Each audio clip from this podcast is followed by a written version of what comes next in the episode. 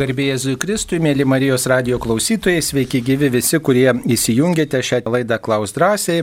Sveikinam besiklausančius ir taip pat dalyvaujančius studijoje kunigus. Šiandien prie mikrofono net trys kunigai, atsakinėsime į jūsų klausimus. Tai yra Šiluvos parapijos kunigas Robertas Urbonavičius, garbėjai Jėzui Kristui. Sveiki. Ir taip pat Sigitas Jurkštas, kuris darbuojasi šiuo metu Kauno e, Šventosios dvasios, Šventosios dvasios parapijoje. Gerbėjai Zikristi. Per amžius amen. Taip pat prie mikrofono ir aš, e, kunigas Saulis Bužauskas. Tai turime keletą trumpųjų žinučių. Kalbant gailestingumo vainikėlį yra kalbama Tėve mūsų sveika Marija ir tikiu, kodėl yra praleidžiama garbė Dievui malda kaip galėtume atsakyti, mėly kunigai, ir teko kada su tuo susidurti. Na, nu, aišku, toks paprasčiausias atsakymas galėtų būti šitas gailestingumo vainikėlis 20-ojo amžiaus pradžioje yra apreikštas šventai Faustinai ir šventoji Faustina taip užrašė tą vainikėlį, kaip iš Jėzaus patyrė. Ir tikriausiai tai kalbėta buvo ir su nuodėm klausiu, dabar jau palaimintuoju kunigu Mykolu Sopočką tą gailestingumo vainikėlio maldos tvarka. Na tai e, visą tai aptarta, o kokia ta teologinė prasme, na, e, turbūt e, kreipiama ne tiek į švenčiausios trybės pagarbinimą, kiek į tą dalyvavimą Kristaus kančioje, na, va taip galėtume atsakyti. Va ir remiamės Jėzaus padiktuotais žodžiais, Jėzaus ta malda, kurią Jėzus kvietė melstis. Kunigė, gal turėtumėt ką pridėti? Kiekviena, kiekvienas pamaldumas turi tų savo savo ypatumų. Viena, vienas vainikėlis ir vienas rožinis vienas maldas įjungia, kitas kitas prideda, tai turbūt ne, nereikia aišku sureikšminti, bet turbūt galima aišku ir pasidomėti giliau galbūt ateityje, jeigu pasidomėsim atsakysim, nes tikrai aišku įdomus, įdomus klausimas. Taip, mm, esu dirbanti ligoninėje gan sunkiais, su gan sunkiais ir mirštančiais ligoniais. Visada stengiuosi įsisamoninti, kad Kristus taip pat kenčia su, su tai žmonėmis, bet yra ir labai gerų senorių ir labai piktų, kurie ir keikėsi, ir spjaudosi, ir visokiais žodžiais kolioje netgi stengiasi kažkaip ir sužaloti. Klausimas, ar, būti, ar gali būti šiuose žmonėse Kristus, nes tų piktų žmonių agresija iššaukia pačiai man pyktį, pati nesusivaldau, lengva slaugyti ir prižiūrėti gerus ir ramius senukus, bet su piktais be galo sunku. Taip, kunigė Sigitai. Na, mes nelabai galime žinoti, ar tas žmogus nėra sunkios nuodėmės būsena. Aišku, jeigu mes esam sunkioje nuodėmė, tuomet e, tikrai mes iš, išvėjam iš savo širdies ir šventąją dvasę ir visą švenčiausią trejybę, kurią gavom irgi iš malonės tik tai. Dievas iš prigimties mumise negyvena, jis apsigyvena iš malonės, kada mes tikėjimu jį pakviečiam, priimam per sakramentus taip pat. Ir e, kartais, pavyzdžiui, jeigu žmogus išgyvena didelį skausmą, va aš irgi prisimenu kažkada e, turėjau labai labai stiprius galvos skausmus ir tada atrodytų man norėjosi, na, kiekvieną žmogų apšaukti ir apriekti, kurį tik sutinki. Tai va čia irgi klausimas, kokia yra to žmogaus būsena, ar jisai visiškai laisvai ir samoningai kitus ten keikia, šaukia, ar galbūt tiesiog iš to didelio skausmo. Tai mes, aišku, negalime teisti, bet esam pašaukti melstis už, už tą žmogų, kad, kad Dievas jam teiktų ramybę, kad išlaisvintų iš to blogio. Turbūt dar, kaip pati skaitytoja, klausytoja sako, labai, taip labai lengva su, su tai žmonėm, kurie yra geri, nesvarbu ar jie ligoniai ar neligoniai, bet mūsų kaip krikščionių misija tai yra ir priimti tuos, kurie nėra, nėra tuo, tuo momentu geri, o ligonė aišku, ne kiekvienas tą kančią priima. Jeigu žmogus turbūt yra tikintis, jeigu yra geros valios, jam kančia nuskaidrina jį, o jeigu jisai tą kančią priima kaip, kaip kančia, jį kančia sugniuždo, tai manau, svarbiausia žiūrėkit į tai, ką jūs darot. Jūs nesate atsakinga už tą žmogų, jo elgesį, bet atsakinga už savo elgesį. Tai tikrai patarnaukit su meilė, su kantrybė ir daugiau nuopelnų iš viešpatės turėsit ir savo pavyzdžių, savo elgesių, galbūt tą žmogų patrauksit prie Dievo, tai tikrai prašykit savo ir jiem tos paramos. Dar galim prisiminti tos jos žodžius, kad e, sako, būkite tokie kaip jūsų dangiškasis tėvas, kuris siunčia lietų ant teisiųjų ir neteisiųjų geriesiems ir blogiesiems, tai Jėzus mums įsakė mylėti ne tik gerus žmonės, bet visus.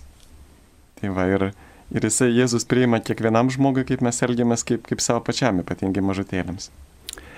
E, jeigu taip e, atsakantis jūsų klausimą, tai tikrai yra Kristus net ir tuose piktuose žmonėse, nes e, Kristus prisijėmė ne tik teisiųjų, gerųjų žmogystę, bet kiekvieno žmogaus, nesvarbu, koks jis bebūtų žmogystė. Ir Kristus yra visų brolis. Ir kiekvienas žmogus yra sukurtas pagal Dievo paveikslą ir panašumą. Net didžiausias nusikaltėlis, kuris daugybę žmonių nužudęs, recidivistas, prievartautojas, jis yra taip pat sukurtas pagal Dievo paveikslą.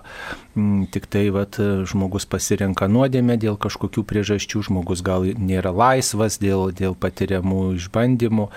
Ir štai mm, turime, ką turime, kad kiti yra ir pikti, bet žiūrėkit su meile, mm, tiesiog stenkitės žiūrėti anapus to žmogaus, tos reakcijos, pasakykit gerą žodį, nes e, krikščionio pareiga blogį nugalėti gėriu. Visi mes esam kelyje.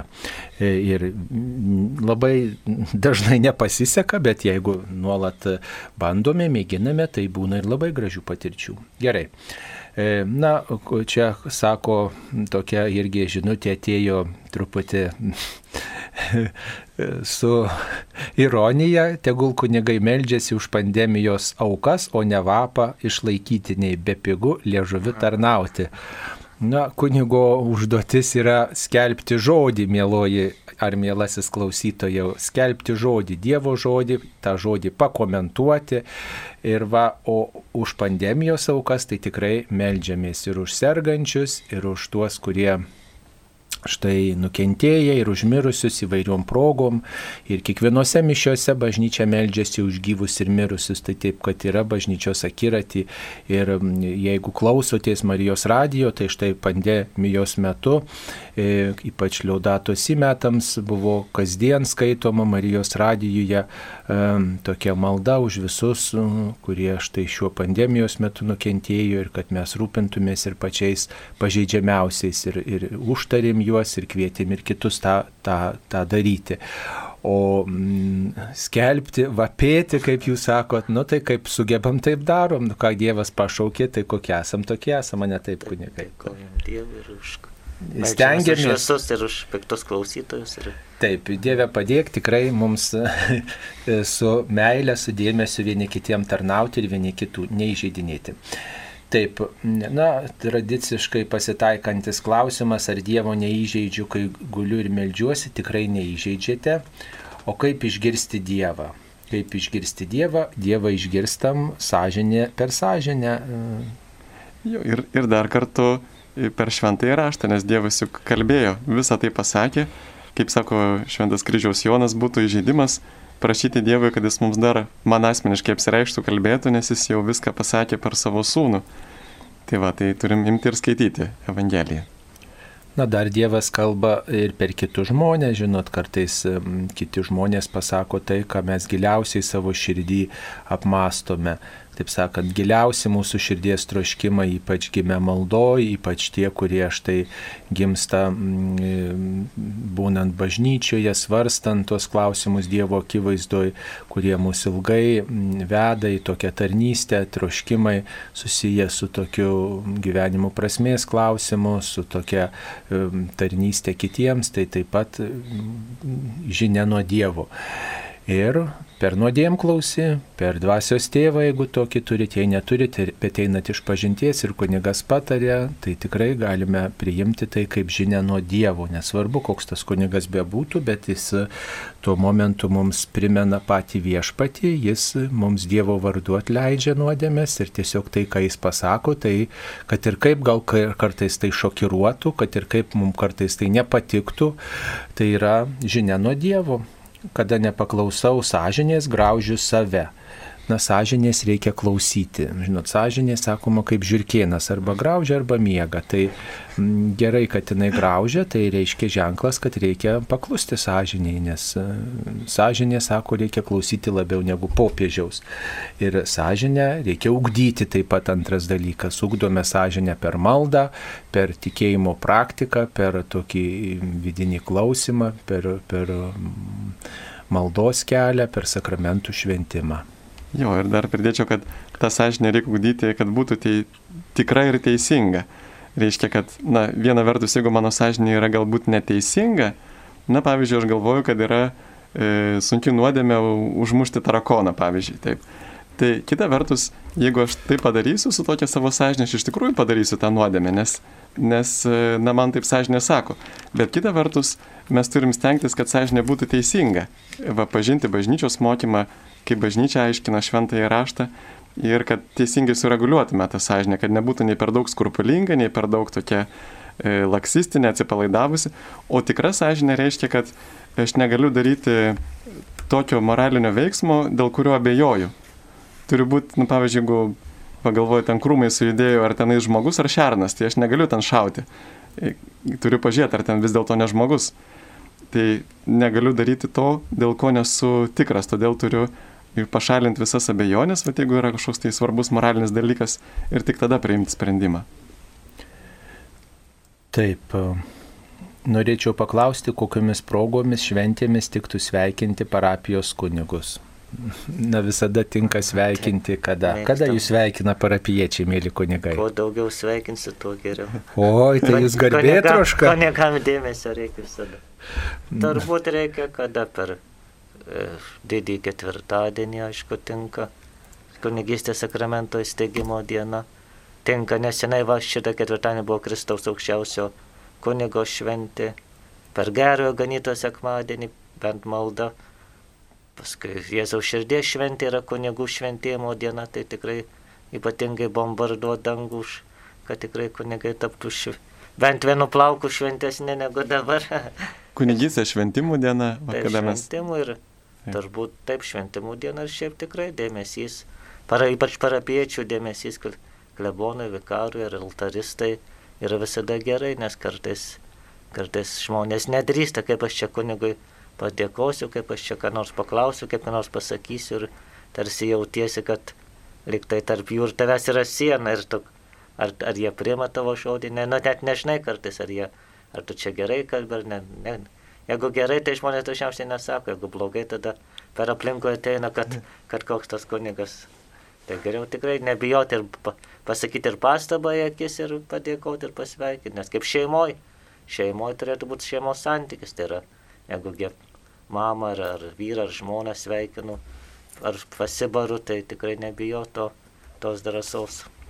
Nu, nebūtina turbūt ten dovanom apipilti ir tų gėlių ten nebūtina teikti, bet užtenka gerą žodį pasakyti turbūt, gerą žodį pasakyti, padėkoti ir kartu pakviesti visus sukalbėti, pavyzdžiui, sveika Marija, dabar visi pasimelskim už parapijos kunigą, kuris štai švenčia um, savo vardadienį, kunigystės šventimus ir dabar visi draugė pasimelskim. O tiesiog paprašyti, kad kunigos um, po pamaldų duotų žodelį ir pas, pasimelsit už parapijos kunigą, tai yra ir dėmesys ir malda, o galų gale galima ir asmeniškai pasveikinti ar žinute, ar paskambinti, ar aplankyti ir sakyti tikrai džiaugiuosi, sveikinu ir, ir pasidžiaugti. Tai tas geras žodis reikalingas kaip meilės išraiška, kaip palaiminimas, kurį jūs ir kunigui dovanojate. Tai e, kunigas labiau gal jausis reikalingas ir tas dėl mūsų pačių mes kitiem dėkodami, kitus prisimindami mes parodom artimo meilės ženklą.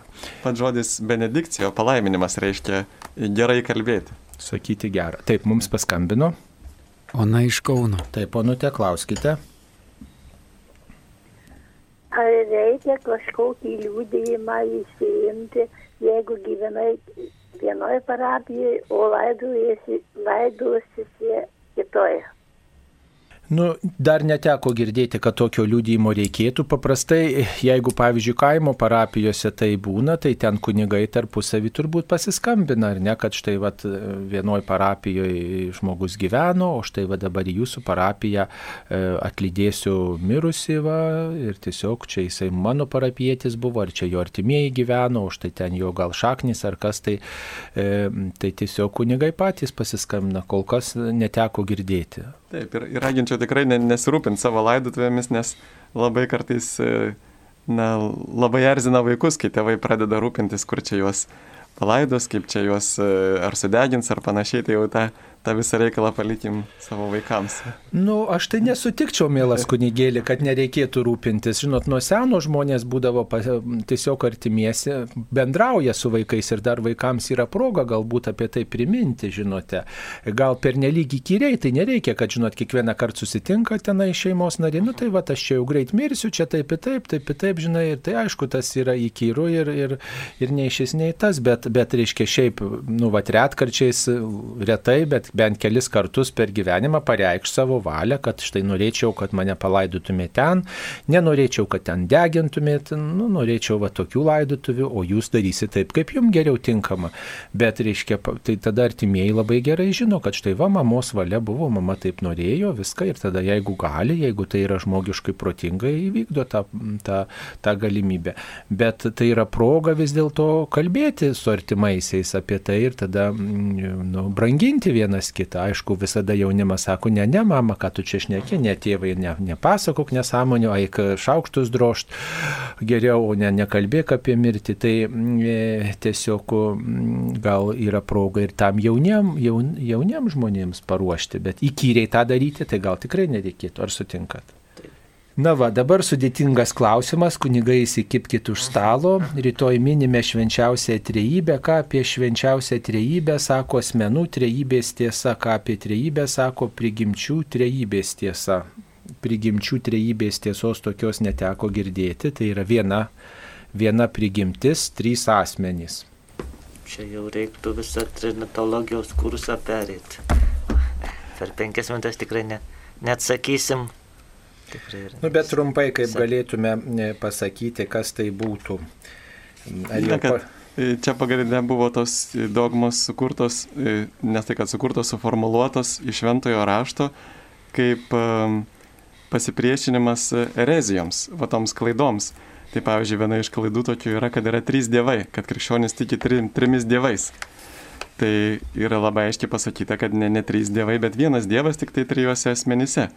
Ir todėl mes galim sakyti, kad Dievas yra meilė, nes, na, jeigu Dievas būtų vienišas, kaip Dievas galėtų būti meilė? Bet štai jis yra asmenų bendrystė. Arba, pavyzdžiui, buvo kita erezija ir kitos įvairios erezijos, kad, na, pavyzdžiui, kad Jėzus Kristus nėra Dievas, kad jis yra žemesnės prigimties, arba kad šventoji dvasia yra kažkokios kitokios prigimties, nėra Dievas. Tai va, kad jie yra tos pačios prigimties, yra pasipriešinimas toms erezijoms, kad sakom, kad ir Jėzus Kristus irgi yra tikras Dievo sūnus ir Dievas ir šventoji dvasia yra tikras, tikras Dievas. E, taigi trumpai galėtume pasakyti, kad švenčiausios trybės paslaptis yra mm, viena pagrindinių krikščionių tikėjimo mm, ir gyvenimo paslapčių ir e, tai suvokta palaipsniui šitą tiesa ir šventam rašte, kaip sakoma, apie tai randame nes tėvas per sūnų ir šventąją dvasę mums tai apreiškia. E, protu to apriepti neįmanoma. Tai yra prieiškimo tiesa, kurią priimame tikėjimu. Dievo sūnaus įsikūnymas apreiškia, kad Dievas yra amžinasis tėvas, o kad sūnus yra vienos prigimties su tėvu, vadinasi, E, sūnus tėve pasilieka mm, ir su juo mm, tas pats vienintelis Dievas. E, šventoji dvasia, kaip asmuo siunčiama nuo tėvo ir sūnaus, mm, e, sūnaus vardu ją atsiunčia tėvas ir sūnus nuo tėvo. Ir taip pat tokiu būdu apreiškiama, kad yra vienintelis Dievas ir su tėvu ir sūnumu, su sūnumi dvasia garbinama ir šlovinama. Mes e, esame pakrikštyti švenčiausios trejybės vardu ir, ir malda garbė Dievui tėvui yra e, švenčiausios trejybės pagarbinimas, taip pat šventose mišiose doksologija e, prieš komunijos, prieš tėvę mūsų maldą, reiškia yra per jį, su juo ir jame Tai yra irgi švenčiausios trybės pagarbinimas, kai kunigas pakelia truputėlį taurę ir pateną su ostija ir tuo žodžius ištarė, reikėtų atsiliepti amen. Tai tikrai pritarimas švenčiausiai trybei, pagarbinimas jos, kad Dievas veikia. Na, tai yra vidinis Dievo gyvenimas, kitaip galėtume pasakyti, trejybė yra vieninga, viena, ne tris dievus išpažįstame, bet Dievą trijose asmenyse. Tai yra viena dieviška prigimtis, nėra dievystė pasidalyje tie trys asmenys, bet kiekvienas jų yra visas Dievas.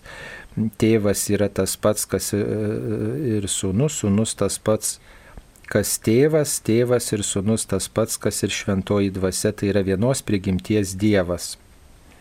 Ir E, tai yra dieviška prigimtis, esmė viena, tačiau tie asmenys yra realiai skirtingi. Taigi, mm, na, protu nebandykim to apriepti, tiesiog priimkime tikėjimu, kad, reiškia, yra trys asmenys, kurie, kuriuos pažįstame gal skirtingai, bet tai yra tas pats Dievas. Tai yra vidinis, vidinė, apie vidinę e, Dievo tikrovę. Tai yra reali asmenų bendrystė, santykis, kuris išgyvenamas Dievo viduje. Ir beje, į tą trejybės gyvenimą yra pakviestas taip pat ir kiekvienas žmogus. Tai yra nuostabiausia, kad Jėzus mūsų žmogystę prisėmęs, prisikeldamas ir įžengdamas į dangų ir mums ten vietą ruošia. Taigi pažinsim vieną dieną šventą švenčiausios trybės vidinį gyvenimą. Tai verta dėl dangaus tenktis. Aš dar va, galėčiau papildyti, kad tai, kas e, vienyje visus krikščionis, būtent yra tikėjimas į švenčiausią trybę.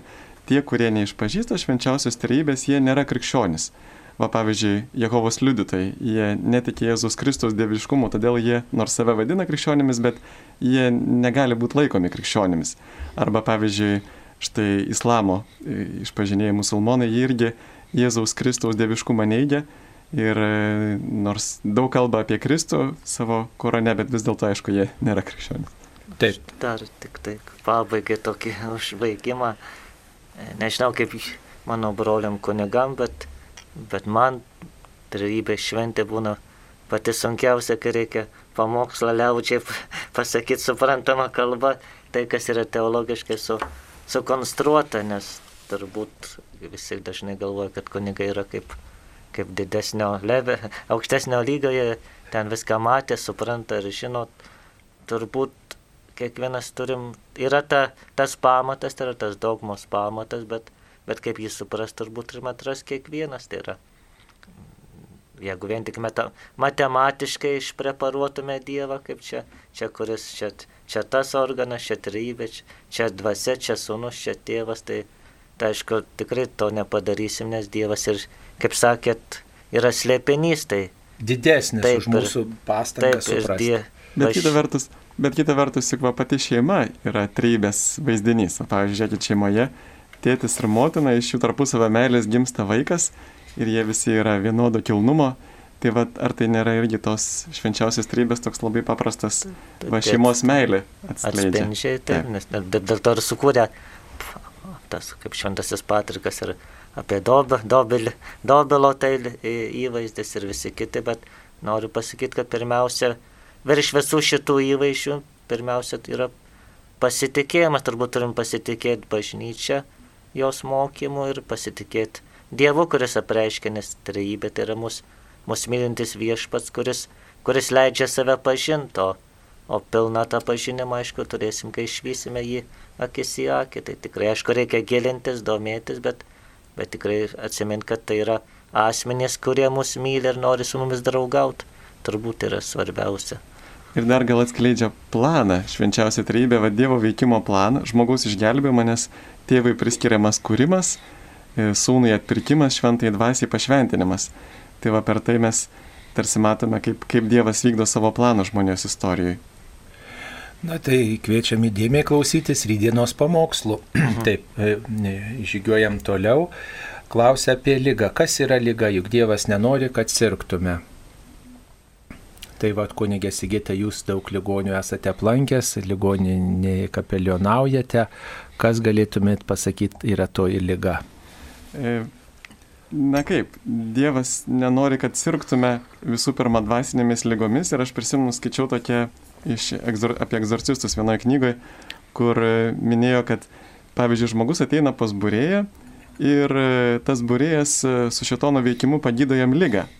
Ir tą lygą, e, per tą lygą Dievas buvo numatęs, kad žmogus gaus daug Dievo malonių, bet štai jis gauna išgyjimą ir netenka visų tų Dievo malonių, kurias Dievas buvo numatęs per tą lygą.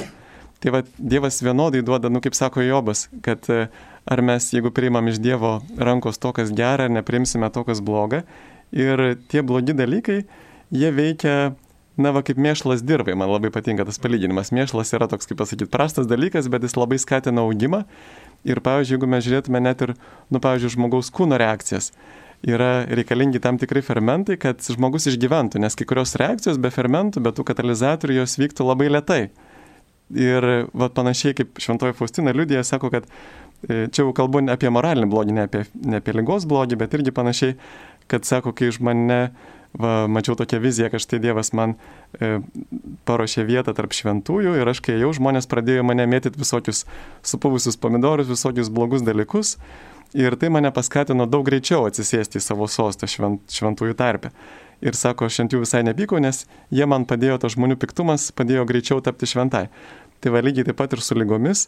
Na, turbūt tas trapumas, aš taip spėju, yra Dievo plane po to, kai nupuolė Luciferis. Juk jis buvo dvasia, labai graži, tobula, išmintinga, e, neserganti, nemirštanti. Ir štai atsirado puikybė. Ir galbūt dėl to Dievas norėjo kurti na tokį materialų, materialią visatą, materialų pasaulį, kuriame būtų trapumas, lygos, e, skausmas, mirtis, nes čia viena vertus tai mus labai apsaugo nuo puikybės, va šita tokia trapi situacija.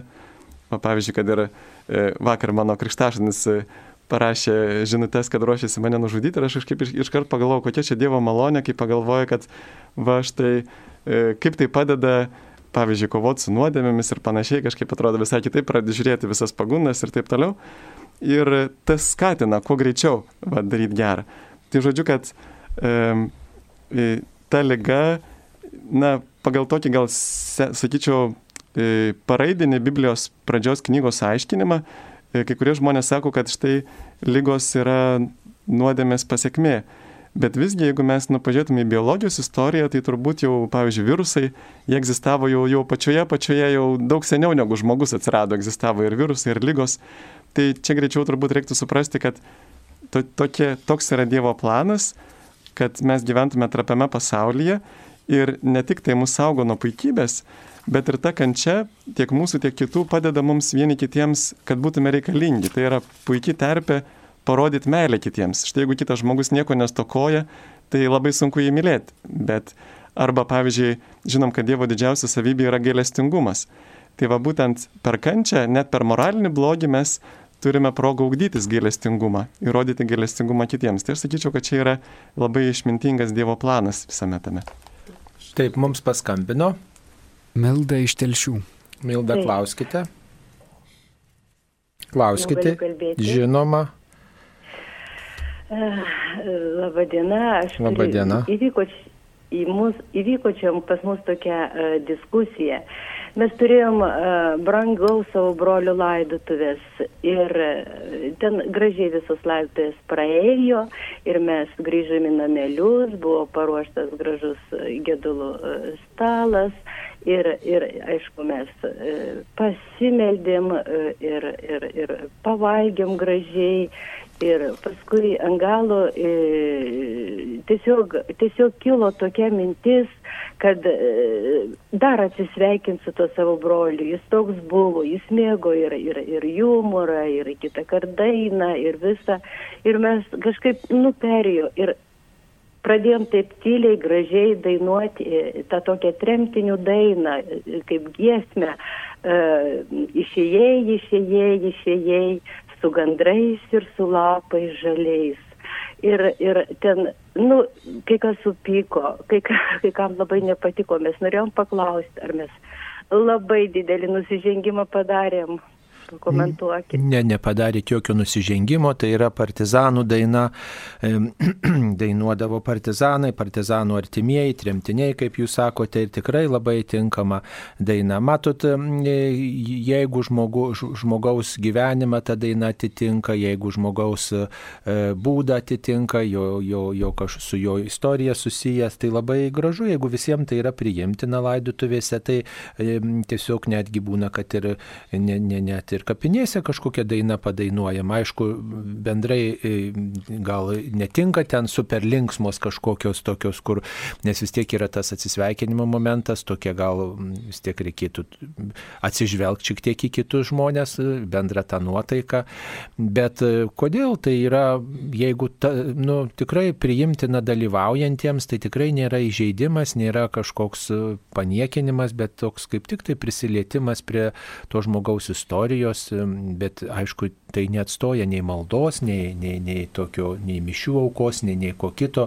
Mm, Tiesiog va, toks būdas yra prisiminti žmogų. Tai tikrai šalia to mūsų įprasto maldos pagerbimo gali būti pagerbimo malda žmogaus, palydėjimo malda gali būti, jeigu tai priimtina dalyvaujantiems, gali būti ir tokių ženklų.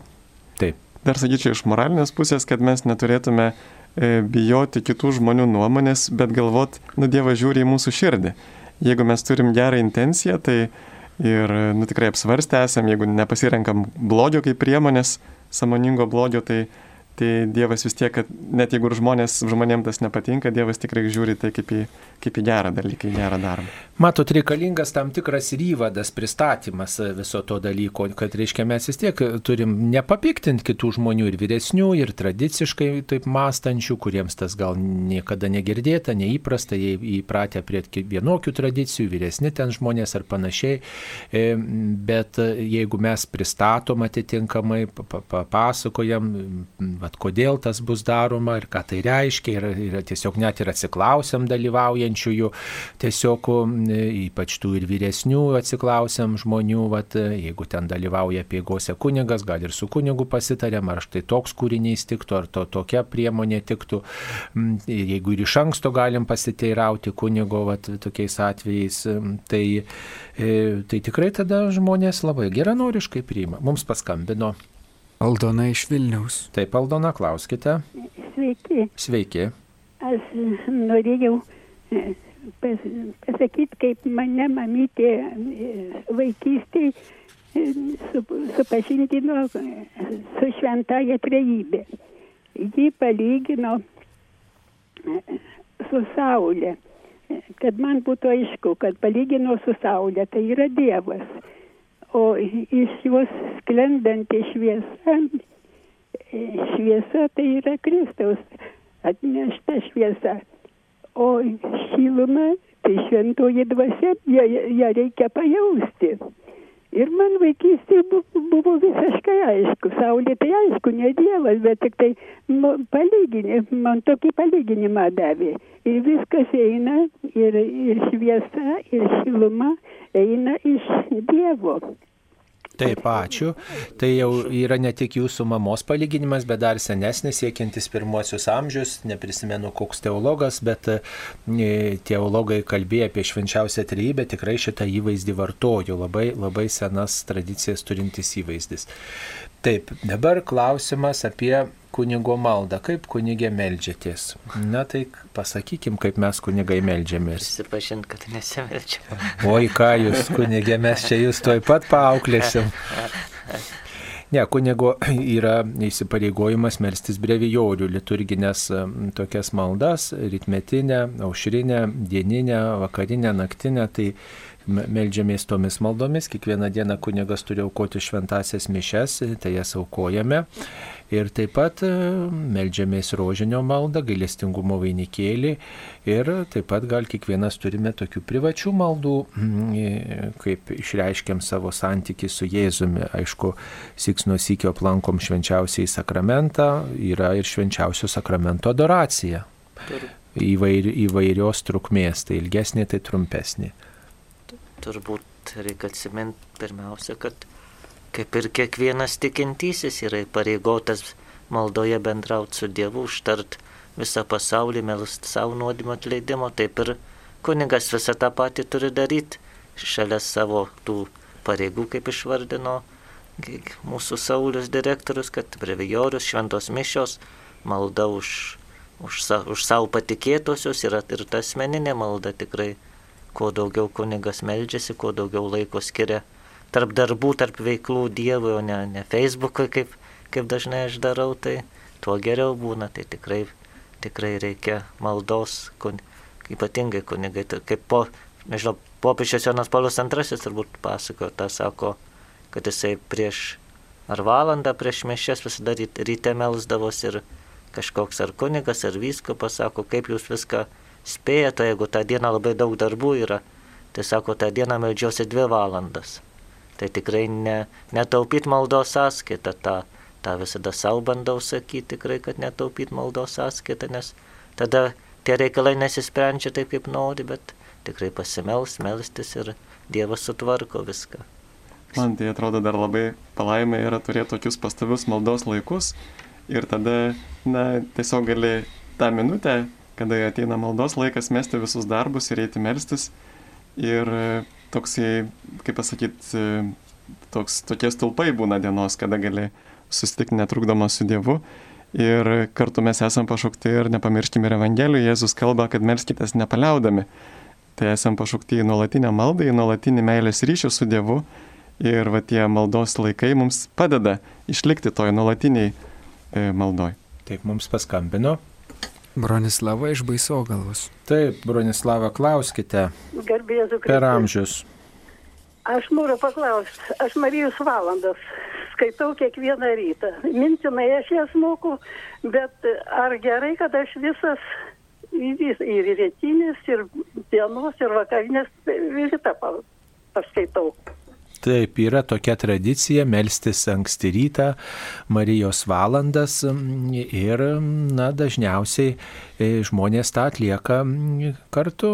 Vat, tai net ir kunigai, vat, pavyzdžiui, ir brevijoriaus maldas mes e, gerai, kai išskirstom per visą dieną, bet kartais tenka kai kurias valandas sujungti. Pavyzdžiui, aušrinė su rytmetinė, vakarinė su, su, su, su, su naktinė arba vakarinė su ten popietinę kalbėti ir įvairiai taip. Tai, tai tikrai gražu, tą jūs paprotį darote ir yra tas paprotys ir, ir galima apmastyti tiesiog vienu įpūs sugėdoti visas tas maldas.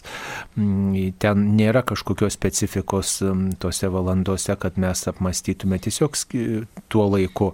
Tiesiog vat, skirtos marinės maldos ir jas galima per dieną išskirstyti, bet galima ir vienu metu sugėdoti arba sukalbėti. Jo, ir dar kai kurie va, bažnyčios tėvai ar šventieji, skirtingai kalbėjo apie maldą iš, iš kitų kampų.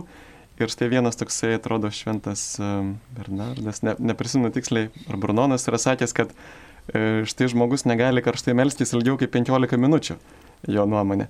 Ir, na, ta prasme, iš tikrųjų yra dalis tame tiesos, kad jeigu mes, pavyzdžiui, norime visas maldas atkalbėti arba labai ilgas maldas, tai mes tiesiog patys ir pavargstame ir nebeturime dėmesio, susikaupimo Ir tada klausimas, kiek ta malda yra kokybiška, todėl yra visai išmintinga geriau melstis šiek tiek pamažiau, bet dažniau, negu kad ten vieną ar du kartus po, po ilgai, kada jau na, ta malda tampa tokia sunkia našta ir prievalė.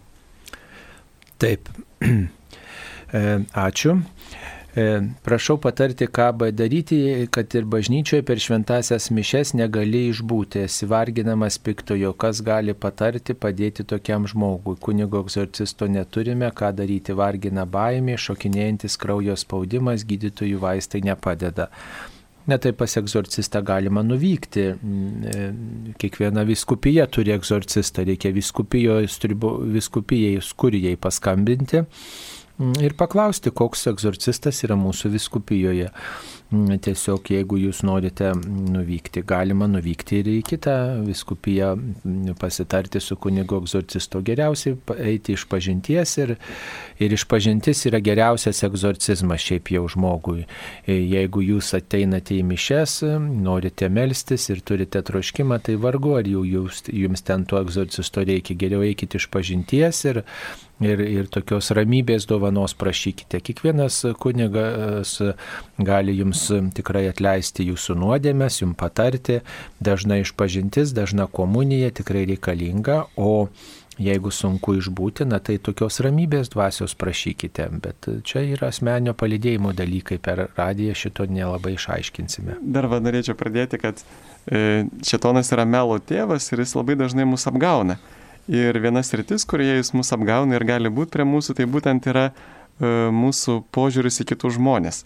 Pavyzdžiui, arba kitų žmonių požiūris į mus. Pavyzdžiui, jis gali mus apgauti, kad štai va tas žmogus, kuris šalia manęs, jis man ten linki blogo ir taip toliau. Tai va todėl labai svarbu tiesiog paklusti Jėzui, va tame meilės įsakymą, kad jeigu aš, nu kaip šventas Silanas yra parašęs, kad sako, žmogus tol neturės ramybės, kol neišmoks mylėti savo priešų.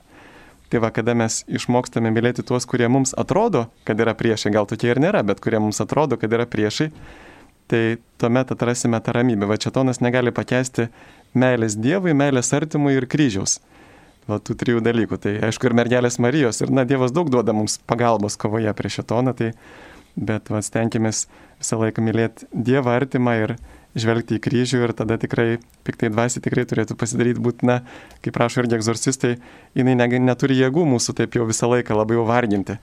Ten tie, tie polimai, varginimai tęsiasi kažkurį laiką, paskui jau jie, jie liaujasi, jeigu piktoji dvasia pamato mūsų atkaklumą ir mūsų drąsą. Bet jeigu jinai mato mūsų, va, kaip Jonas Klimakas sako, kad jeigu piktoji dvasia pastebi mūsų baimę, e, pataikavimą, tada jinai puola mus kaip laukinis žveris. Bet jeigu mato mūsų drąsą, tada niekas nenori stoti kovo su drąsiais kovotojais. Taip, dabar mums paskambino. Stasi iš biržų. Taip, Juojančių.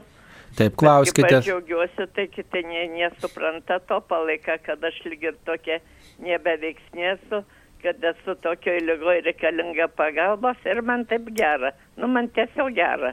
Taip, Stasė, ar turite ką paklausti, mėloji? Paklausti, tai dabar galvoju, kas reikėtų paklausti apie birželinės pamaldas. Norėčiau paklausti, kokia tvarka bus.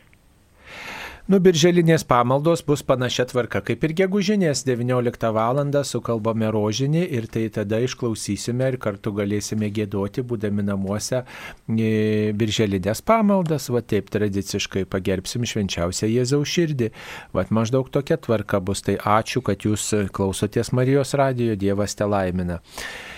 Taip, žinutė. Norėčiau paklausti dėl bažnyčios požiūrio į gedulą. Teko domėtis, bažnyčia nereglamentuoja juodos spalvos drabužių dėvėjimo, kaip yra iš tikrųjų. Ar nedėvėdama juodos spalvos nusižengiu bažnyčios ar Dievo įsakymams, kaip elgtis gedulo metu. Na čia žydų įstatymas, kada dar žmonės neturėjo šventosios dvasios, jiems reikėjo viską iki smulkmenų reglamentuoti. Va, pasakyti, kaip ten, ką, ką ten valgyti, kaip ten kur pasisukti ir ką nusiplauti bet e, mes, Kristus mus išvadavo, kad būtume laisvi ir perspėjo Paulius vėl nesiduokite įkinkomi į vergystės jungą. Tai neturėtume čia labai vėl kažkokiam taisyklėm apsikrauti, bet tiesiog tai yra mūsų laisva vidinė išraiška, kad kiti žmonės mato, kad mes štai gedime, bet jeigu tas gedulas praeina, ir šiaip jau krikščioniui, aišku, yra nu, natūralu ir, ir gera išgėdėti, bet kartu ir turim tokią viltį, kad susitiksime, kad tas žmogus yra pakeliu jam žina laimę, kad nemirė, kad jo siela gyvena, tai žodžiu, tas, tas gedulas nėra toks beviltiškas krikščionims. Turbūt dar tiek, kad tai yra paprotiniai dalykai, kaip kiekvienoje tautoje, kiekvienoje šalyje, kiekvienam amžiui yra tai skirtingi gedulo laikotarpiai, tai manau reikia laikytis to, ko, ko laiko dauguma, tai yra, kad aišku, ten Aš ne, ne, nežinau, kiek dabar ar, ar metai laiko ten. Metai už artimuosius, tradicija tokie metai, o, o ten už kitus, ar, kitus žmonės. Šį, Mums kaip tikintiesiam turbūt svarbiausia, ką, ką gal dažnai pamirštam, tai yra užsakyti šventą mišių auką, melstis ypatingai už, per metus laiko užmirusį tą. Tai yra tas turbūt didžiausia, didžiausia ką prievolė, kurią meilės prievolė, kurią turim atlikti. O gedulas tai turbūt yra daugiau toks kaip ir paprotinis veiksmas. Matot, turim paaiškinti, kodėl tai vyksta. Tai vyksta todėl, kad, reiškia, artimieji žinotų, šalia mūsų esantys žmonės, bendradarbiai, susitikę žmonės žinotų, kodėl mes galbūt esam tokie vat, rimtesni, kodėl nenusijuokiam, kai kažkas anegdotą pasako, kodėl štai gal kartais vat, atrodo, kad verkėm ar panašiai. Tai ir tada gali pareikšti užuojautą štai žmonės žmogus, kurį susitikom ir kuris nežino apie mūsų artimojo mirties faktą, tai yra proga pareikšti užuojautą, pakalbinti, pašnekinti žodžiu mus, tai mm, yra toks santūrumo paaiškinimas, kodėl mes santūrus esam, kodėl štai kaip elgtis kitiems su mumis, žodžiu, susitikus ir tiesiog, na, galbūt kartu pasimelsti už tą žmogų, kuris štai iškeliavo, kartu pasimelsti už tą žmogų, kuris tą gedulą išgyvena, bent jau tą širdį nuostatą tokia turėti. Mm, tai vat, dėl to yra ir paprastai turbūt santūrumui žmonės yra kviečiami, tikrai mums reikia taip palaipsniui turbūt pertvarkyti santykius su tais, kurie iškeliavo ir tas gedulas psichologiškai yra reikalinga žmogui, reiškia apmastyti ir kuo užpildyti tą atsiradusią santykių tuštumą.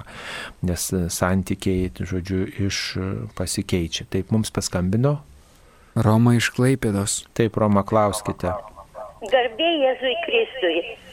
Prašom išjungti radio imtuvą. Oi, radiją išjungti. Išjungti. Atsiprašau, labai atsiprašau. Man sakė laukti. Nu, gerai, tu, tu, garbė Jėzui Kristui. Per amžius. Norėčiau paklausti tokį klausimą. Kiek klausti va šeštadieniais e, rytais šitą mm, e, e, laidą. Nu, nu, nu, nu, nu, žodžiu, šitą laidą. Niekada nesu girdėjusi, kad kas nors pasakytų, kaip reikia aklam melstis. Man 82 metai. Ši, nu, aš net prie savęs, žmogus, jeigu prie mane stovi, aš net nematau e, žmogaus prie savęs stovinčio, pilnai akla.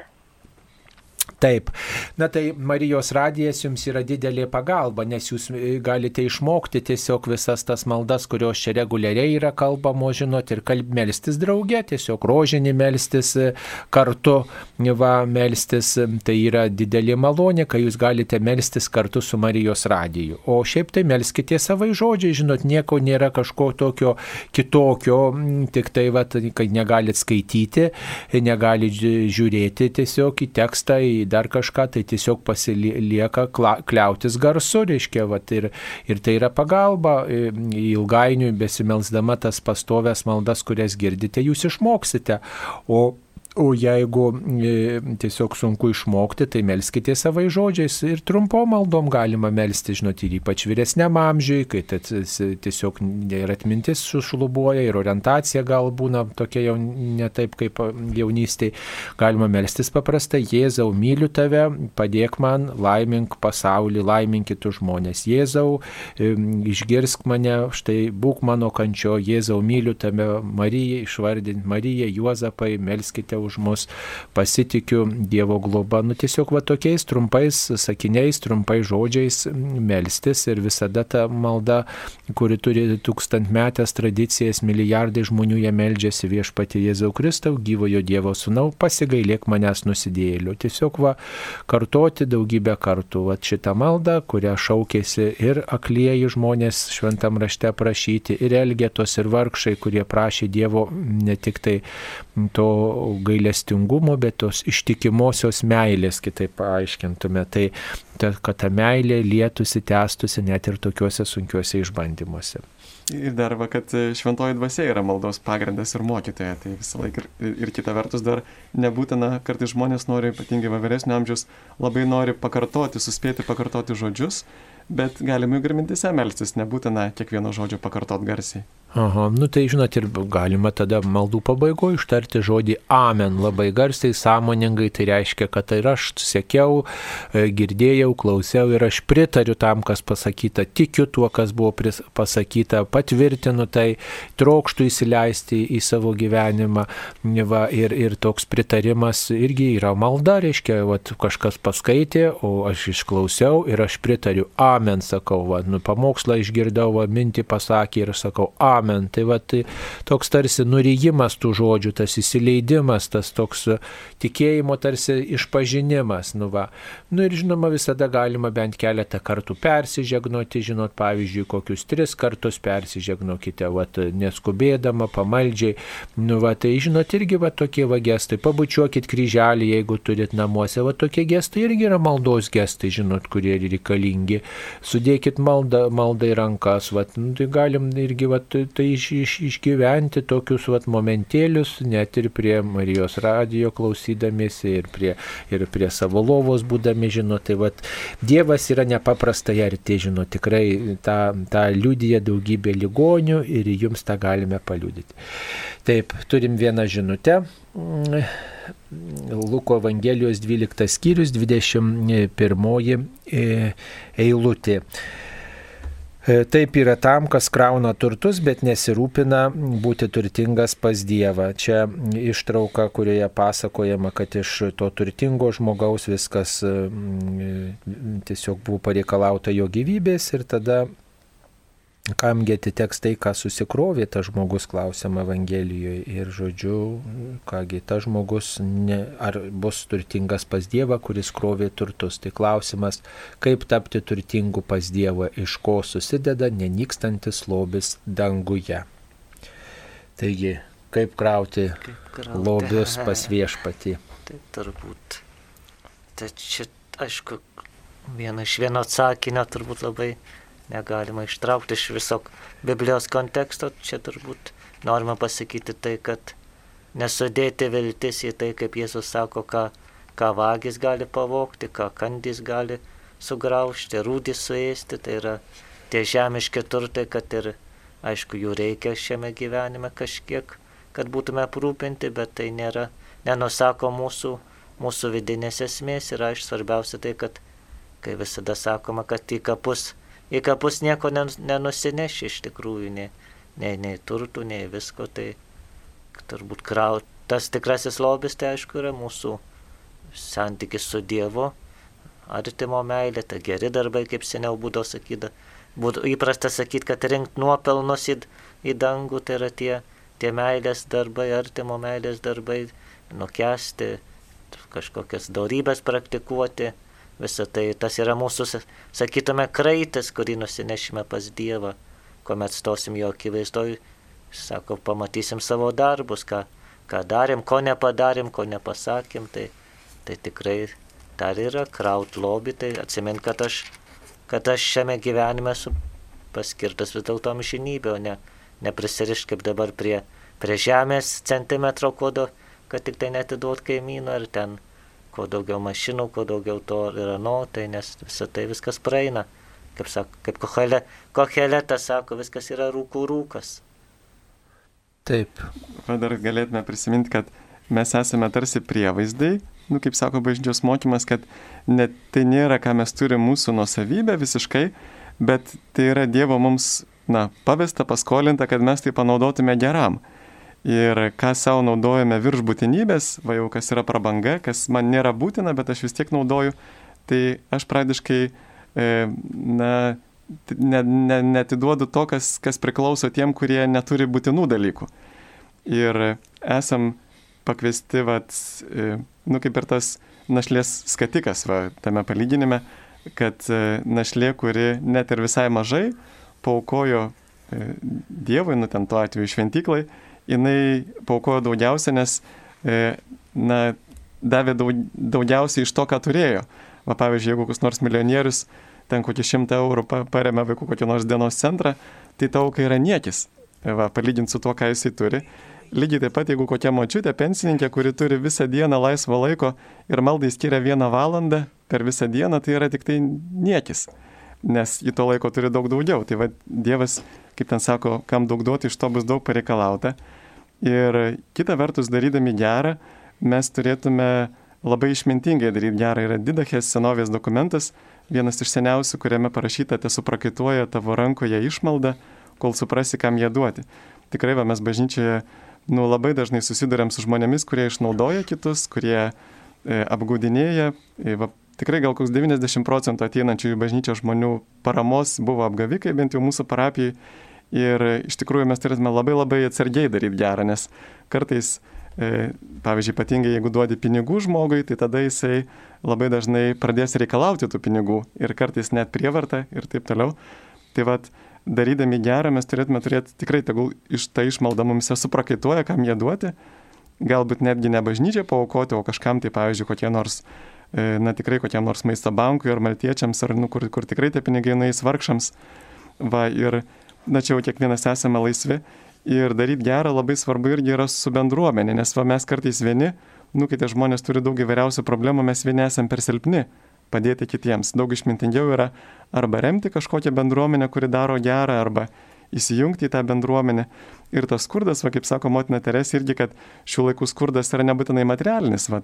Jėzus ten kalbėjo apie drabužio davimą ir taip toliau. Šiais laikais tų drabužių kalnai neturi žmonės skurdėti, bet pavyzdžiui, vienišumas yra skurdas arba na, jo, va, pagrindę labai daug žmonių yra vienišumas, pavyzdžiui, va, sidabrinė linija galime ir patys paskambinti ir savanoriauti, netgi va, seneliai, kurie turi daug laiko, kurie jaučiasi vienišyje, galėtų paskambinti į sidabrinę liniją ir pasisiūlyti, kad yra, galėtų būti savanoriai su kitais kalbėti.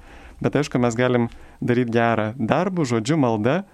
Taip pat, va, kas mums krauna nuopelnus, pavyzdžiui, Šventai Faustinai Jėzus kalbėjo, kad e, didžiulius nuopelnus kraunam tada, kada mastom Kristaus kančią. Kad e, tai Dievo akise labai didelis nuopelnas. Arba, pavyzdžiui, sako, vienas klusnumo aktas yra daug vertingesnis už ten, jeigu net visą savaitę save apsiplaktum. Tai va, žodžiu, kad yra dalykų, už kuriuos Dievas tikrai labai, labai trokšta, kad mes tai darytume, tai būtent va Kristaus kančios apmąstymas, klusnumo aukojimas savo kančių, lygų, nuolankus perėmimas ir aukojimas. Tai va tai ne tik yra materialūs dalykai, bet, bet va štai tas gyvenimas pagal Dievo valią. Nu, Marijos radijo gyvavimas yra žmonių gerumo išraiška. Žmonės savo aukomis išlaiko Marijos radijo, be maž 17 metų ir ne tik tai išlaiko tą gyvavimą, bet ir pastatė naują pastatą, kuris beveik jau įrengiamas ir, ir toliau išlaiko Marijos radiją. Taigi tai, tai yra geras darbas. Aš manau, kiekvienas, kuris prisideda prie Marijos radijo gyvavimo auka savanorystė, štai e, daro gerą darbą ir tikrai viešpats įvertins šitą triūsą, šitą laiką skirtą, dosnumą, kurį žmonės parodo. Ačiū Jums visiems. Mums paskambino. Elena iš Vilniaus. Elena, klauskite. 25 gegužės per Marijos radiją, po 13 valandos, kur būna švento rašto skaitiniai, buvo skaitoma, kad jeigu moteris meldžiasi neapsigaubusi galvą, tai tuščiai meldžiasi Dievo bažnyčioje.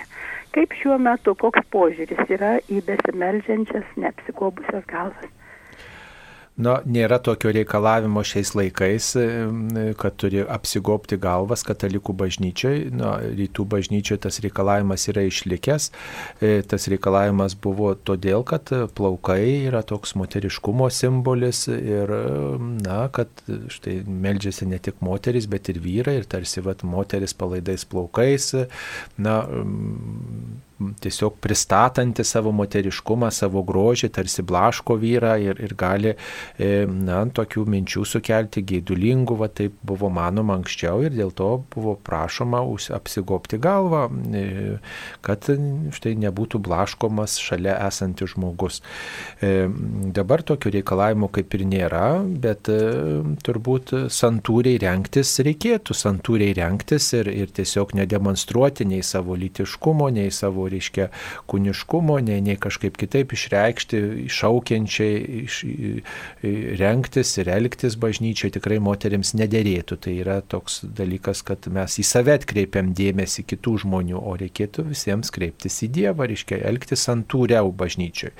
Tai tiesiog, nu žinot, dėl to liberalizmo, sekularizmo, reiškia, to, tie reikalavimai jie tokie, nu, ne, neakcentuojami, bet mes tai pamirštam. Dažnai yra bažnyčioje siks nusikio pastebim, kad moteris iššaukiančiai apsirengia, apnuogina save, jau nekalbant apie ten plaukų paleidimą, reiškia, ir tam tikrą, reiškia, demonstravimą, šukuosenų ir panašiai. Na, dar galima būtų pridėti irgi, kad e, va tai, kas yra šventajame rašte parašyta, mes turim labai gerai atskirti, kas yra e, apreiškimo dalykas, o kas yra toks kultūrinis dalykas. Tai čia gal labiau buvo kartu, va kaip ir kunigas Saulis sako, kad jo kultūrinis dalykas, bet kuris turi ir tokį protingą pagrindą.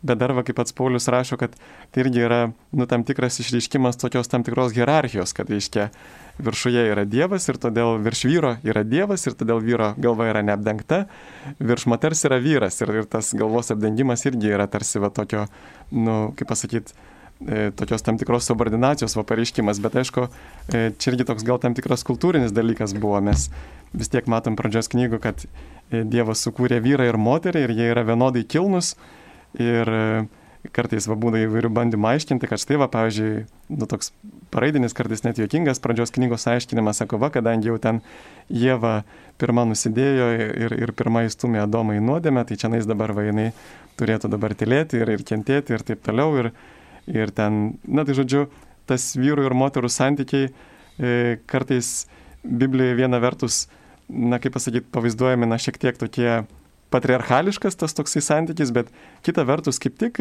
toje kultūroje, būtent Evangelija e, buvo labai tokia novatoriška, nu bent jau santykiuose su moteriam, tikrai tame vakarų pas, e, tame pasaulyje, kur Jėzus gyveno, moteris visiškai buvo nevertinama ir Jėzus labai pagarbiai elgėsi su moterimis ir labai stengiasi, kad jinai turėtų va, tą vienodą orumą ir kilnumą su vyru. Tai žodžiu, čia tokie kartu ir kultūriniai dalykai, bet va, tikrai reikėtų kreipdėmėsi tai, ką kuningas Saulis minėjo. Taip, dabar padarysime pertrauką. Čia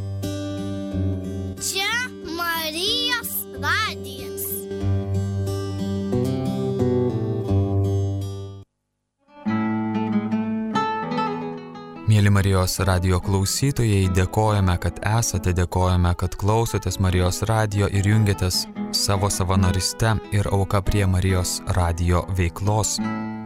Tačią savaitę kviečiame susitikti su Marijos radio savanoriais gegužės 30 dieną sekmadienį Vilniaus išganytojo Joanitų bažnyčioje, Kauno Šventojo Antano Paduviečio bažnyčioje Anikščių Šventojo Paštalo Evangelisto Mato bažnyčioje, Biržų Šventojo Jono Krikštitojo bažnyčioje, Kalvarijos švenčiausiosios mergelės Marijos vardo bažnyčioje. Taip pat bažnyčiose, kur bus švenčiami švenčiausiosios trejybės atlaidai. Tai Kauno švenčiausiosios trejybės seminarijos bažnyčioje, Tauragės švenčiausiosios trejybės bažnyčioje bei Ukmergės švenčiausiosios trejybės bažnyčioje o gegužės 31 dieną, pirmadienį, Vilniaus Šventojo Jono Bosko bažnyčioje. Dėkojame už jūsų maldas ir aukas, dėl kurių geroji viešpaties naujiena gali sklisti po visą Lietuvą.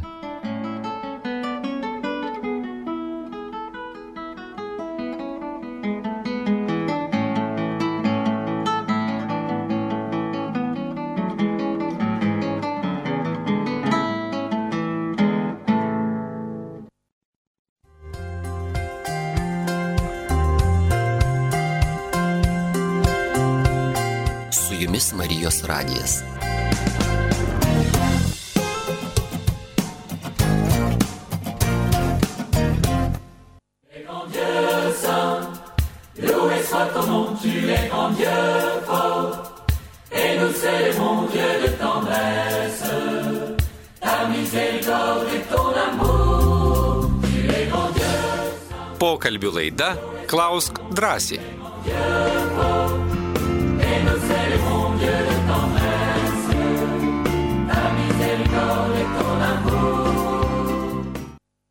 Mėlėjai, tęsėme laidą Klaus drąsiai. Šioje laidoje dalyvauja Šiluvos e, parapijos e, vikaras kunigas Robertas Urbonavičius ir Šilainių šventosios dvasios parapijos vikaras kunigas Sigitas Jurkštas. Čia klausimas buvo, kur yra ta šventosios dvasios parapija. Tai jinai yra Milikonių gatvėje 18 Šilainiuose ir nauja, naujai pastatyta bažnyčia kviečiame apsilankyti. Pamaldos ten sekmadieniai įsigytai, kada, kilintą valandą. 8, 10, 12, 18. Taip, Milikonių gatvė Kaune 18. Taip, tęsėme atsakymus į jūsų pateiktus klausimus. Toks štai atėjo klausimas, gal galite papasakoti apie Eleną Spirgevičiūtę, prašom kunigė. Trumpai. Trumpai labai sunku, sudėtingai, bet šiandien kaip tik Marijos radijas turbūt 12 transliuos, bus Elenos Spirgevičiūtės palaikų perlaidojimas Antano bažnyčioje 12 mišios, tai tikrai, manau, išklausykit, dalyvaukit ir trumpai galima pasakyti, tai yra mūsų, mūsų tautietė, ypatingai kaunietė, kurie Kaune gyvena, kuri, kuria yra užvesta šventumo byla. Naigimusi smetoninės Lietuvoje 24 metais Kaune, lankė Saulės gimnaziją, skautė buvo ir patyrė tą visą ir sovietų pirmąją okupaciją, ir nacijų okupaciją, ir tai yra paprasta, sakytume, eilinio eilinė mergina, kuri mokėsi, draugavo, svajojo, norėjo tapti tai vienuolė, tai, tai medicinos seserimi, žodžiu, jaunas žmogus pilnas, pilnas džiaugsmo, pilnas, pilnas tų, tų svajonių ir jos dienoraštis, kur yra, kuris yra išlikęs ir kur, ką tik atrodo, už vakar išleistas, bus galima įsigyti ten tarp tų visų įvykių, kur mergaitė prašo, kad ten lankiau pamokas, ar mamai padėjau, ar ar ten galvoju apie vokietuką, kurį įsimylėjusi esu ir vis labiau rašo, kaip nori tarnauti Dievui, kaip jos siela veržiasi prie Kristaus, kaip nori išlikti tyra, skaisti, gera, patikti Kristui. Ir kaip žinote, mūsų herojiškumas, mūsų šventumas turbūt atsiskleidžia ne tada, kai viskas gerai, bet tada, kai yra išbandymai. Ir Elenos išbandymas tai ir buvo 1944 metais, jai 20 metų buvo, sausio 3 vakare į jos tėvų duris, kurie gyveno, pasibeldžia keturi vyrai prisistatę policininkais. Iš tikrųjų tai buvo tiesiog paprasčiausi banditai. Ėma siautėti, vokti viską, nes aišku, tas karo pabaiga jau buvo tos surutės laikas ir grasina nužudyti tėvus, nužudyti vaikus, e, nušauna Elenos tetą, tai yra mamos seserį, kuri bando pabėgti ir kviesti pagalbą ir pradeda Elena, kadangi jinai 19 metų vyriausia, tie vyrai pradeda vedžiotis į kitą kambarį ir aišku, aišku grasinti ir ko, kaip tėvas klausia, ko iš tavęs nori, Elena atsako, kogi galėtų vyrai norėti iš moters, bet aš geriau mirsiu negu nusidėsiu. Tai yra nu, tie vyrai praš, vertė ją, kaip sakant, jos lytiškai patenkinti, bet jinai ir vieną, ir trečią, ir ketvirtą kartą nesutiko ir, ir ją mušė ir, ir sakė, pasigailėk savo tėvų. Ir tėvai yra išlikę liūdimai, sako, kai paskutinį kartą Lena atėjo į kambarį, kur tėvai, 13 metų sesuo, 7 metų broliukas ir Elenas kiekvieną peržegnojo, nes jau suprato, kad jinai mirs ir sako, tėvai, tėvai liūdė, sesuo, brolis liūdė, kad matėm tokią stiprią šviesą ją apgaubusią, tarsi tą Dievo artumo ženklą ir išlenda galva iš kito kambario, Elena įtraukiama į tą kitą kambarį ir pasigirsta šūvis. Tai yra, kadangi tai nesutiko patenkinti tų nedorų aistrų, Elena yra nušaunama. Tai yra, ji tyrumo kankinė, kankinė už tyrumą ir tai prasideda jos ta, ta istorija, kita jau po mirti net daug per tuos sovietmetį ypatingai ne, neužgesta tas domėjimasis jie, kunigai platina jos dienoraštį, daugina, nes sako, tai yra jaunimui gera, gera patirtis ir aišku, 2000-aisiais pradėta betifikacijos byla Tai tikrai tikime, kad su Dievo pagalba, su, su, su žmonių pagalba, su jūsų maldų pagalba mes tikrai galbūt dešimties metų bėgė, sakykime, optimistiškai žiūrim, tikrai turėsime naują, naują palaimintą Lietuvoje kankinę mergelę Eleną. Tai daugiau tikrai galite surasti internete, yra, yra įsivedus jos, į Google paiešką Lenas Pergyvečiūtė tikrai rasite ir video, ir, ir medžiagos, kaip sakiau, nesinai išėjo dienoraštis, tikrai galėsite įsigyti ir 12 val. kviečiu tikrai klausyti mišes, bus tikrai graži šventė. Taip, ačiū. Mums paskambino. Romas iš Akmenės. Taip, e, Romai, klauskite.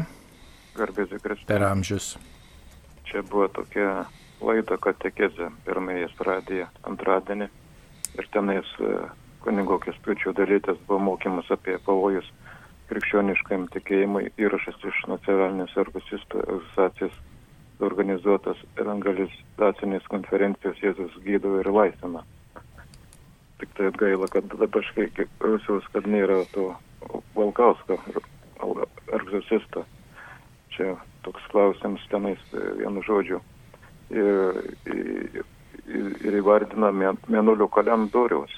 Vienu žodžiu, tai aš suprantu, kad negalima naudotis tom mėnulio, mėnulio kalendorium, kaip, pavyzdžiui, sėja tenais yra, tenais e, prasideda žiūri, tenais apilnatis, tada kas nors. Tai kažkaip man taip įdomiai palikti.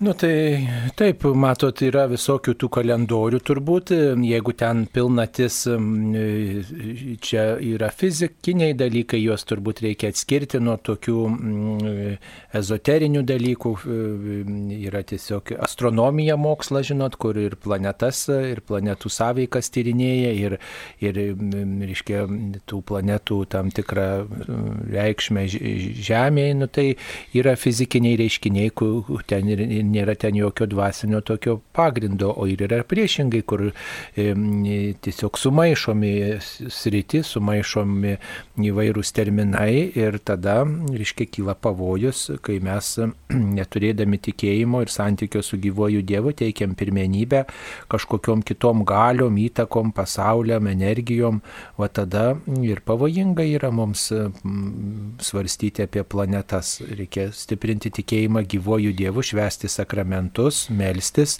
ir nesureikšminti net ir bet kokiu atveju pilnaties ar dėlčios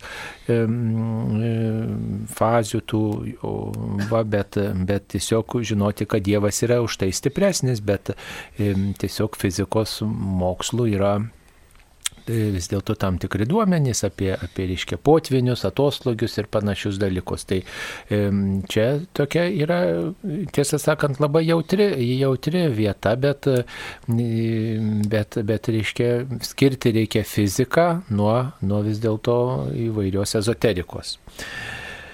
Taip, eidavau į geriančių, piktų, netikinčių savo mokinių namus, kalbėdavau apie tikėjimą. Grįžusi suprasdavau, kad nejučia pati stipriai susitepdavau jų nuodėmę, o rezultato jokio. Dabar izoliuojuosi jų. Ar gerai? Nu, gal nereikėtų izoliuotis nuo tų žmonių, kurie, kurie gyvena tokiuose šeimuose. Tam tikras nuo jų gyvenimo būdo atstumas galbūt reikalingas, kad mes jų nuostatomis nepersimtume, bet santykiai su tai žmonėm tai yra, tai yra pagalba, na, kad niekas nesikeisdavo rezultatų jokių, tai nereikėtų taip gal sakyti, mes nežinom, kaip tie rezultatai pasireikš, bet parodot gerumo ir tas gerumas negali likti veltui be jokio atsako. Tai yra beldimas į jų širdį, žinokit, vėliau ar anksčiau tai gali duoti vaisių ir duos vaisių.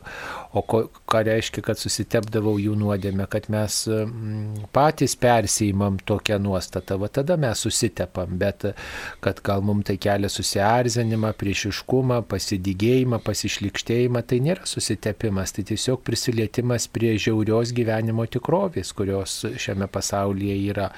Izoliuotis nereikėtų, kaip tik eiti ten, kur, kur, kur, kur blogis gyvena ir ten ieškoti žmogaus ir belstis į jo sąžinę, tai čia didis kelias ir tikrai tam reikia ištvermės. Ir svarbiausia prisiminta, kaip viešpats sakė, nesveikiesim reikia gydyto ligoniam, tai tikrai žiūrėti juos kaip į vargšus ligonius, tikrai manau, jeigu jie suprastų, kaip, kad, kaip gyvena, tikrai patys pasišlikštėtų ir gal šlikštėsi savo nuodėmingumu, tai Kartais mes turim būti šviesos spindulys, parodyti tą Dievo meilę, parodyti, kad, kad yra kitas kelias tikrai ne, ne, ne, nebijot tos, pirmiausia, aišku, melstis su maldai, ne patiem eit, kad aš čia vanueisiu padarysiu, bet eit su malda ir, ir tikrai viešpats tos vaisių duos, kaip sakėt, gal po dešimt metų, gal, gal po kiek jie prisimins, kad va, buvo atėjęs žmogus, kažką man pasakė gražaus ir už to užsikabins, tai Dievas panaudoja viską. Gal tai yra vienintelis gerumo ženklas, kurį jūs nešate į tų žmonių aplinką. Pavyzdžiui, kunigas Debskis, Juozas Debskis, kuris štai žuvo avarijoje 86 metais, tai E, žinot, jisai kartais e, radęs kokį pijokėlį ar savo parapijoje ar kitoj gulinti stoteliai ar prie kelio gulinti, štai sodindavo į savo automobilį ir vežiod, veždavo jį į namus ir jeigu nesuprasdavo, kur jo tikrieji namai, tai važiuodavo, kol surasdavo tikruosius namus ir sakydavo, čia yra Kristus, suvargęs, apleistas, nugirdytas, nuskriaustas Kristus. Va. Ir jo laukdavo laukdavo tuo metu rekolekcijų dalyviai, jisai smarkiai vėluodavo, o štai tokiam žmogui patarnaudavo. Tai, nu, tai yra iššūkis, didžiulis iššūkis tas mirdinti žmogų, nesąmonės vapantį žmogų, sodinti į savo mašiną, patarnauti jam. Tai tikrai ne visi mes tą galim lengvai priimti, bet nu, tai irgi žmogus yra. Tai, Tai ir yra krikščioniška meilė - mylėti tai, kas nemylėtina, kas šlikštu, kas atgrasu, bet e, išvelgti ten Dievo veikimą toj situacijoje. Ar gali kunigas bažnyčioje klausyti iš pažinčių be stulos? Turbūt stula yra kaip, kaip tas kunigo, kunigo tos sakramentinės galios ženklas. Turbūt, aišku, išpažintis galioja, nes ne, ne, ne stula suteikia atleidimą, bet bet viešpas per kunigą, bet tos bendros tvarkos ir laikytis reikia. Tai tikrai manau, tam ir yra sukurti tie liturginiai rūbai ir stulą, ir, ir alba, ir kamšą, tai sutana tikrai kartais mes labai žiūrim tai paviršutiniškai viską, bet, bet tikrai išpažintis galiotų tuo atveju, bet, bet geriau laikytis tvarkos. Taip, tai yra ženklo tokia pilnatvė, tas stula kunigiško galių ženklas stula yra ir violetinė spalva išreiškia būtent atgailą dangaus ir žemės e, tokį susitikimą. Violetinės, e, mėlynos ir, ir raudonos spalvos mišinys violetinė yra. Tai reiškia, kad dangus ir žemė susitinka. Ir štai mes su, tokiu gailėščiu, su tokiu ilgesiu einame švesti šitą sakramentą, susitaikinimo sakramentą. Gal kunigas paskubomis klausė iš pažinties, gal panašiai, gal nebuvo kitos galimybės tikrai reikėtų žiūrėti taip išmintingai. Nuo, tos, nuo to ženklo nepriklauso sakramento galiojimas, bet tiesiog yra ženklas ir priminimas žmonėms, kokią tarnystę kunigas atlieka tuo metu. Taip, esu tikintis švenčių sekmadienius, mm, sekmadieniais melžiuosi, skaitau šventą raštą, bet turiu psichinę lygą, dažnai neturiu nuotaikos, būnu piktas, neturiu džiaugsmo, kaip reikalingo krikščioniui, kaip su tuo gyventi. Na, džiaugsmo mums visiems trūksta, mes visi norėtume būti turbūt visada džiaugsmingesni. Kaip su tuo gyventi? Na, tai e, daugiau dėkoti turbūt už tai, ką turite. Žiūrėkit, jūs turite gražų tikėjimą, jūs žinot, kas yra šventasis raštas, skaitote, jūs žinote, kas yra sekmadienis, jūs melžiatės. Nugi dėkokit už tikėjimą, dėkokit už gyvenimą tokį, koks jis yra. Va štai klausote Marijos radiją, dėkokit už Marijos radiją, dėkokit už, už komuniją, kurią priimate, dėkokit už duonos kasnelį, daugiau žiūrėkit, kas gražaus gyvenime yra. Mes visi linkę gal kritikuoti ir, ir nepasitenkinti e, tuo, ką turime, bet daugiau gal džiaugtis. Žiūrėkit, kaip gražu, kad yra jau pavasaris. Nu, truputėlį vėlyvas, gal šaltas, gal šlapęs, bet žiūrėkit, kaip gražiai žaliuoja pievos, kaip gražiai žydi medžiai. E, tu, turite duonos kasnelį, turite švaraus vandens, galite atsigerti padėkoti. Turi dar vieną rytą, kurį viešpats dovanojo, nu va, tai taip padėkokit ir, ir pasakykit kažką gerą kitam žmogui. Kartais tam, kad mūsų širdį užlietų džiaugsmas, reikia kitą nudžiuginti. Kitam žmogui nusišypsoti, pasirinkti nusišypsoti, pasigėrėti kitų žmogumi, na, va, pasižiūrėti, kokį šventą įminime ir ką jisai padarė. Tiesiog vat, gerėtis gyvenimu. Žinokit, kad šitą akimirką daugiau niekada nepasikartos. Jūs nebūsite rytoj toks, koks buvote šiandien. Jau būsite senesnis, jau bus kitos aplinkybės, bus kitos naujienos, bet šita akimirka yra unikali. Tai vat dėkoti už tai, ką jūs turite. Tai prim, prim, prim, turbūt pirmiausia, tai jeigu lyga yra kažkokia, tai reikia primtas sąlygas ir žinot, kad Dievas vis tiek išganys jūs per, galbūt per tą lygą viešpats duos, duos daugiau naudos kažkokios, tai tikrai ne. Kaip kunigas Saulis sakė, nesusikoncentruoti, bet priimti ir dėkoti viešpačiu, kad viešpatė, tu viską žinai, svarbiausia, kad tu mane myli. Taip ir priimkite tą lygą, žinot, kaip kryžiaus naštą, su kuria Kristus su jumis dalinasi. E, tiesiog leidžia jums panešėti tokį kryžių. Va. Na, aišku, lygą galima palengvinti turbūt vartojant vaistus, konsultuojantis su medikais. Tikrai tą, tą darykite. Būtina tiesiog tokia konsultacija, bendrystė su medikais, įsiklausimas į jų patarimus. Jeigu vartojame vaistus ir, ir, ir bendraujame su medikais reguliariai, tai tikrai įmanoma ir tų e, net ir sunkesnių lygų tam tikras toks sustojimas vietoje ir, ir neprogresavimas, remisija kaip vadinama. Mm, tai mm, tiesiog mm, galima turbūt tokiais atvejais vis dėlto specialistais kliautis ir ir priimti kaip viešpaties kryžiaus tikrovę. Žinot, kartais tos lygos mus taip pat nuskaistina. Taip, ketvirtą savaitę uždegam žvakutes anapilin išėjusiai Laurai, auka neteisėto elgesio darbe savo norų. Ar tai blogas kolegų pagerbimas?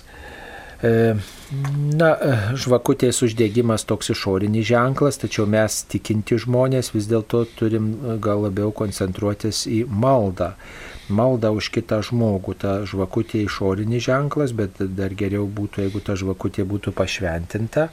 Mm, tai mm, gražu, kai pagerbėm tokiu būdu žmogų, tačiau dar geriau būtų, jeigu pagerbtumėt maldą, sukalbėtumėte poterius, pavyzdžiui, už tą mirusį žmogų amžinatilsi, pasimelstumėte maldą tiesiog prašytumėte viešpaties gailestingumo jai ir visiems tiems žmonėms, dėl kurių va, ta, ta tokia drama, tragedija įvyko.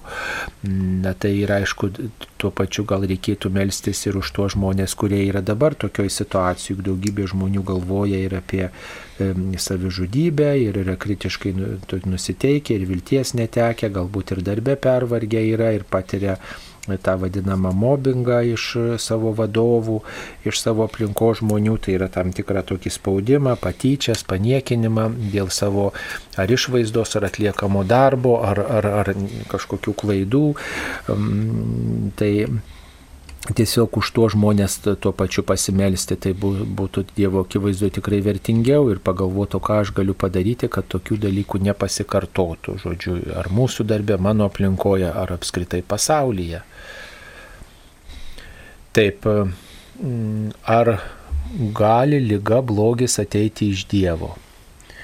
Negali ateiti lyga ar blogis iš Dievo, nes iš Dievo ateina tik tai, kas gera. Bet Dievas kartais leidžia, kad tas blogis būtų. Leidžia blogiui, nesustabdo blogio, nesustabdo lygos, neįvyksta tas antgamtinis įsikišimas.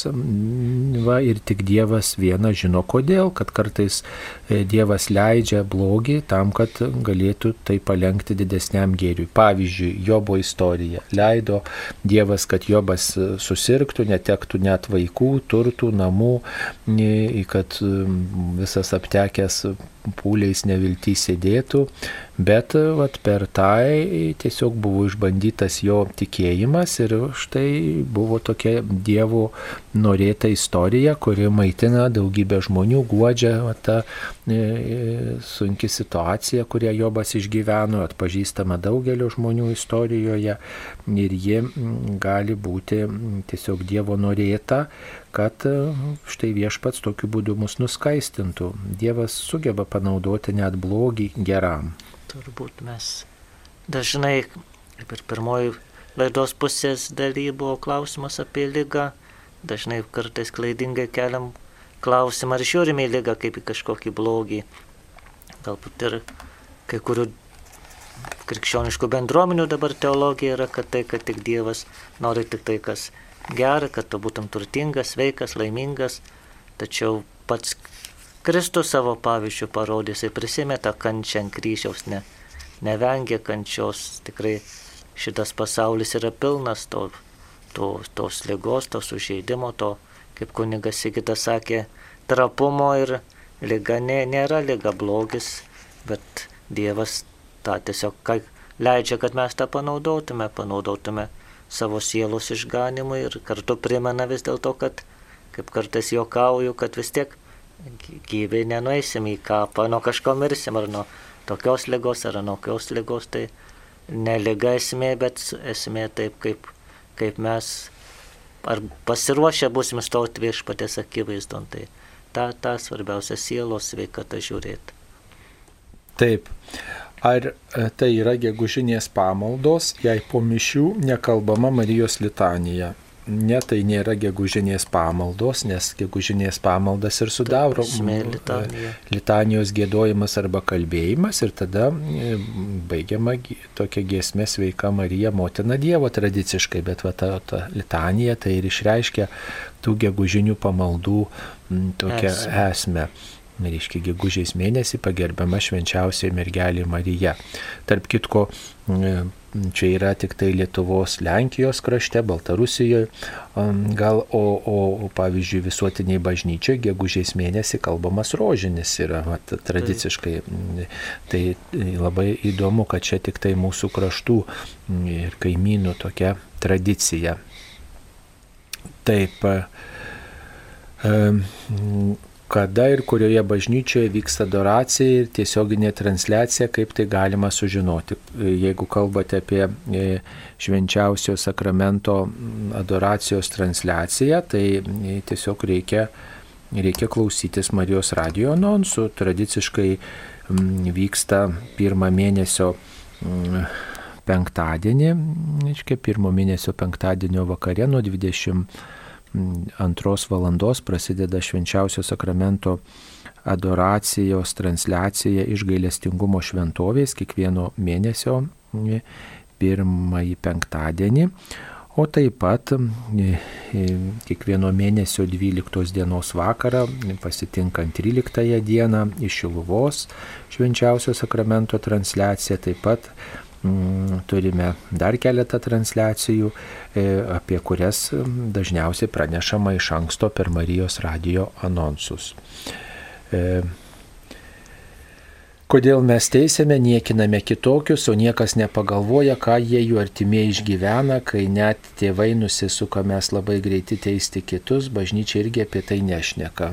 Na, teisti aišku nereikia, bet matot, mes kalbam apie tai, kas yra nuodėmė kalbam apie neteisiam žmogų, bet įvardinam, koks elgesys vis dėlto nedėra, koks elgesys netitinka dekalogo, koks elgesys netitinka Evangelijos dvasios, Kristaus nuostatų, palaiminimų dvasios, koks elgesys nėra krikščioniškas. E, na tai mūsų pareiga įvardinti turbūt tai, kas yra. Tai nereiškia žmogaus teisimą, tiesiog įvardinimas, kas yra nuodėmė.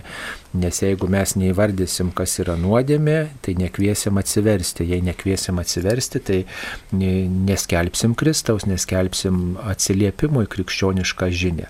Tai nėra teisimas, bet e, tiesos sakymas apie žmogaus gyvenimo būdą. Ta reikia turbūt įvardinti. Ar teisus būčiau sakydamas, kad vienas švenčiausios trejybės asmenų tapo žmogumi ir pasiliko švenčiausiam sakramente? Ar čia būtų ta prigimčių trejybės tiesa? Na, ne, tai nebūtų prigimčių trejybės tiesa. Čia Kristaus pasilikimas švenčiausiame sakramente yra kristologinis dalykas. Kristus mm, štai kadangi jis įsikūnijo, prisėmė žmogišką prigimtį ir e, paliko švenčiausiai sakramentą, tai jis štai jo ta žinia ir skelbiama, jis čia yra ir gerbiamas labiausiai. Aišku, tai vyksta tėvo valia ir įvyksta šventosios dvasios veikimo dėka. Tai taip galėtume pasakyti. Tas pats, tas pats Kristus yra, kaip sak, melžiamės Dievo sūnus ir žmogaus sūnus. Tai. Taip ir panašus klausimas, ar paskutinėje vakarienėje Jėzus dualizavosi į duoną ir vyną ir kaip e, kitaip įvyko, kuriame pavydalė jo esmė buvo.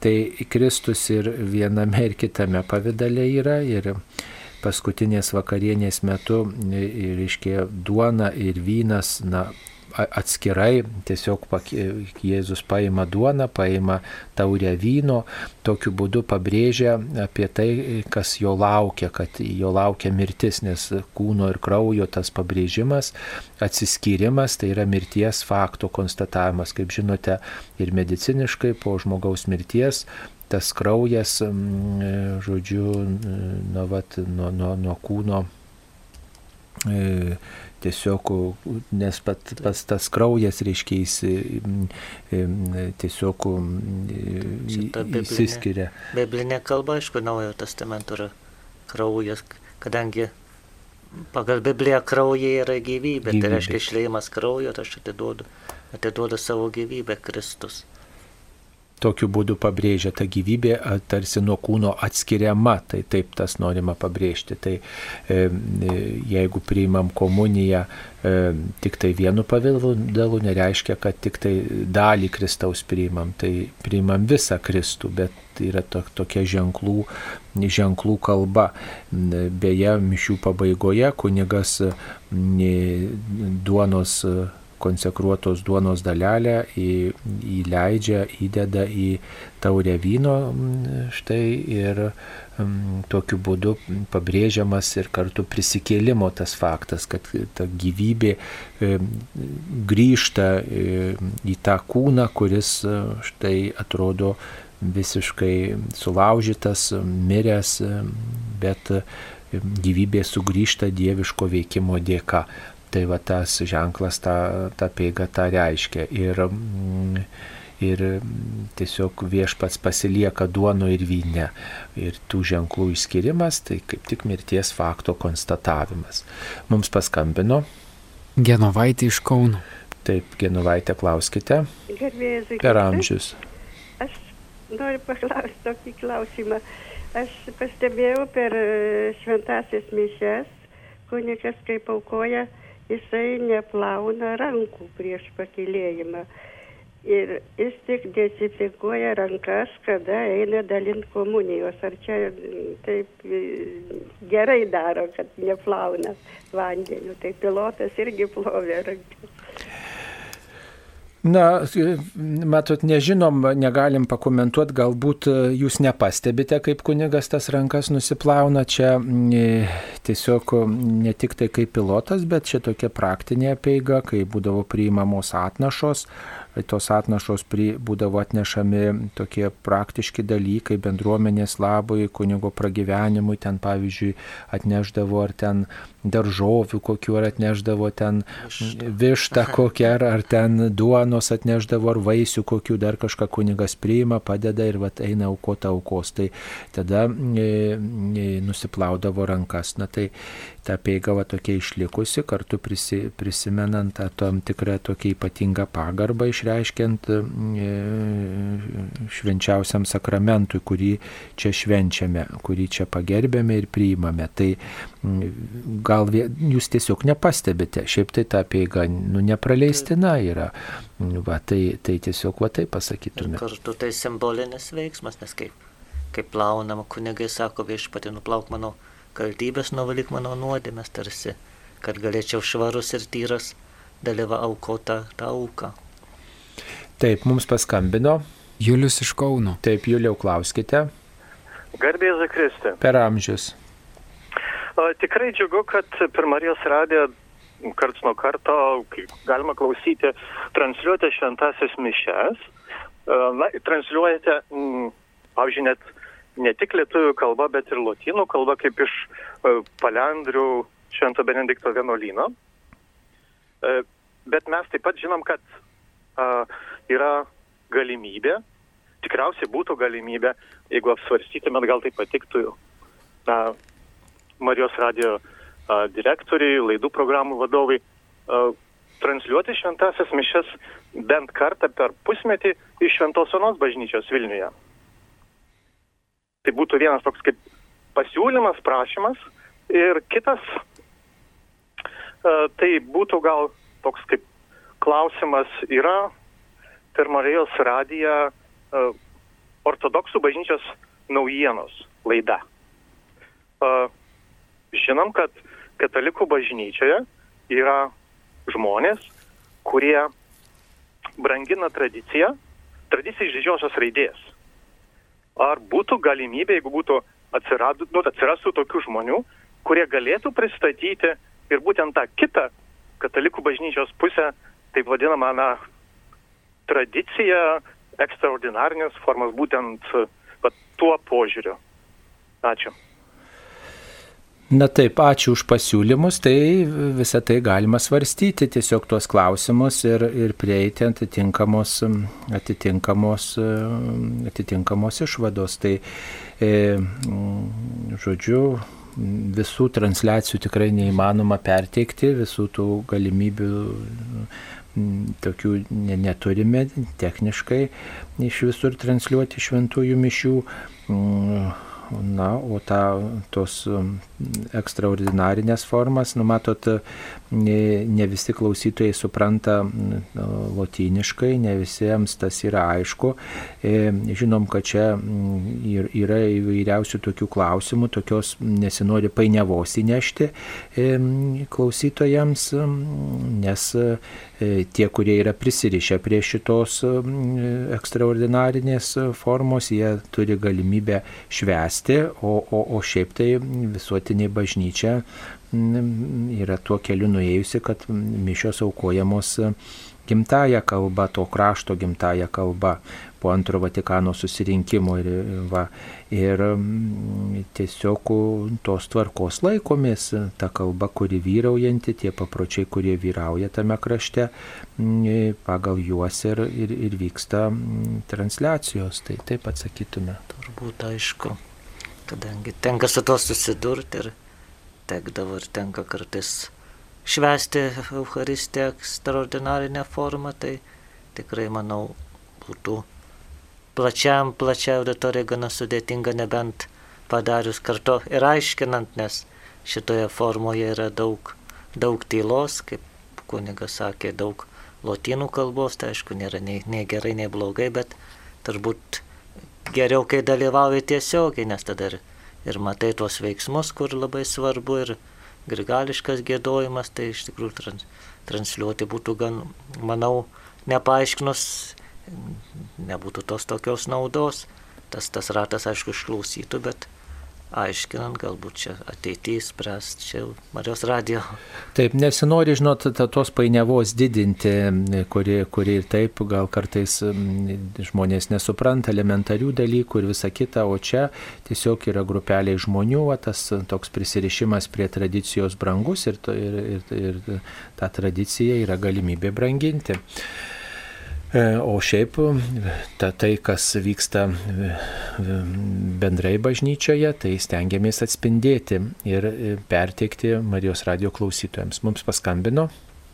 Stanislava iš Kauno. Taip, Stanislava, klauskite. Garbėjai į Kristų. Per amžius. Senajam testamente yra, kad seniau būdavo tiesiog valdžią skirdavo Dievas per pranašus, patepdavo ir buvo valdžia. O dabar kaip yra čia, ar galima mes sakyti, kad mūsų, pavyzdžiui, va, dabartinė valdžia yra paskirta iš Dievo? Aš tikrai šito negalvoju ir aš nežinau, ar aš nusidėdu, kad aš sakau, čia yra iš šetono atėjusi šita, šita mūsų vyriausybė. Kada šitaip šmeišti, pavyzdžiui, mūsų prezidentas yra didžiosios tautos išrinktas, Ir šitaip jį žemint tiesiogiai po kelis susėdus į, į, per televiziją, kad jis būtų, kad jis jau atrodo niekam nevertas žmogus. Tai šitaip tikrai negalima. Ir jis už teisybę. Jis, kad jis pritarė, kad negalima taip elgtis su tokiais įstatymais, kurie žudo žmogų, vaiką ir, ir paauglį, ir, ir, ir jaunolį. Ir tiesiog kažkaip tai sunku, sunku žiūrėti ir sunku suprasti. Sako, reikia melstis. Nu, aš negaliu melstis. Aš Dievo melžiuosi ir sakau viešpatė, šita mūsų vyriausybė tegu būna kaip dūmas įskirstoma nuo šitų pareigų, kad jų neliktų. Taip, taip, supratome. Taip, pirmiausia, aišku, e, kai einam prie balsadėšių, tai reikėtų bent persišygnot ir pasimelst. Ir, ir viskupai visada išleidžia prieš rinkimus raštą, į ką dera atsižvelgti renkant valdžią, bet kadangi dauguma mūsų žmonių renkamės ne pagal, ne pagal tai, ką, ko norėtų Dievas, bet kaip, kaip patys galvom, kas geriausia, pagal simpatijas, antipatijas, tai, tai turim, ką turim, turbūt. Pirmiausia, galbūt reiktų melstis ne už valdžią, bet melstis už tautos atsivertimą, nes ta valdžia mes patys išrenkam, patys išrenkam ir neminėsim tų partijų, kurios stumia tuos dabar visus dalykus, jiegi ne, nenusileido iš dangaus ir iš, iš pragaro neišlipo, tikrai išrinkom, taigi turim priimti ir tikrai melistis, kad, kad tauta atsiverstų, kad tikrai galvotų, ko nori, kas, kas, kas jiems vadovautų.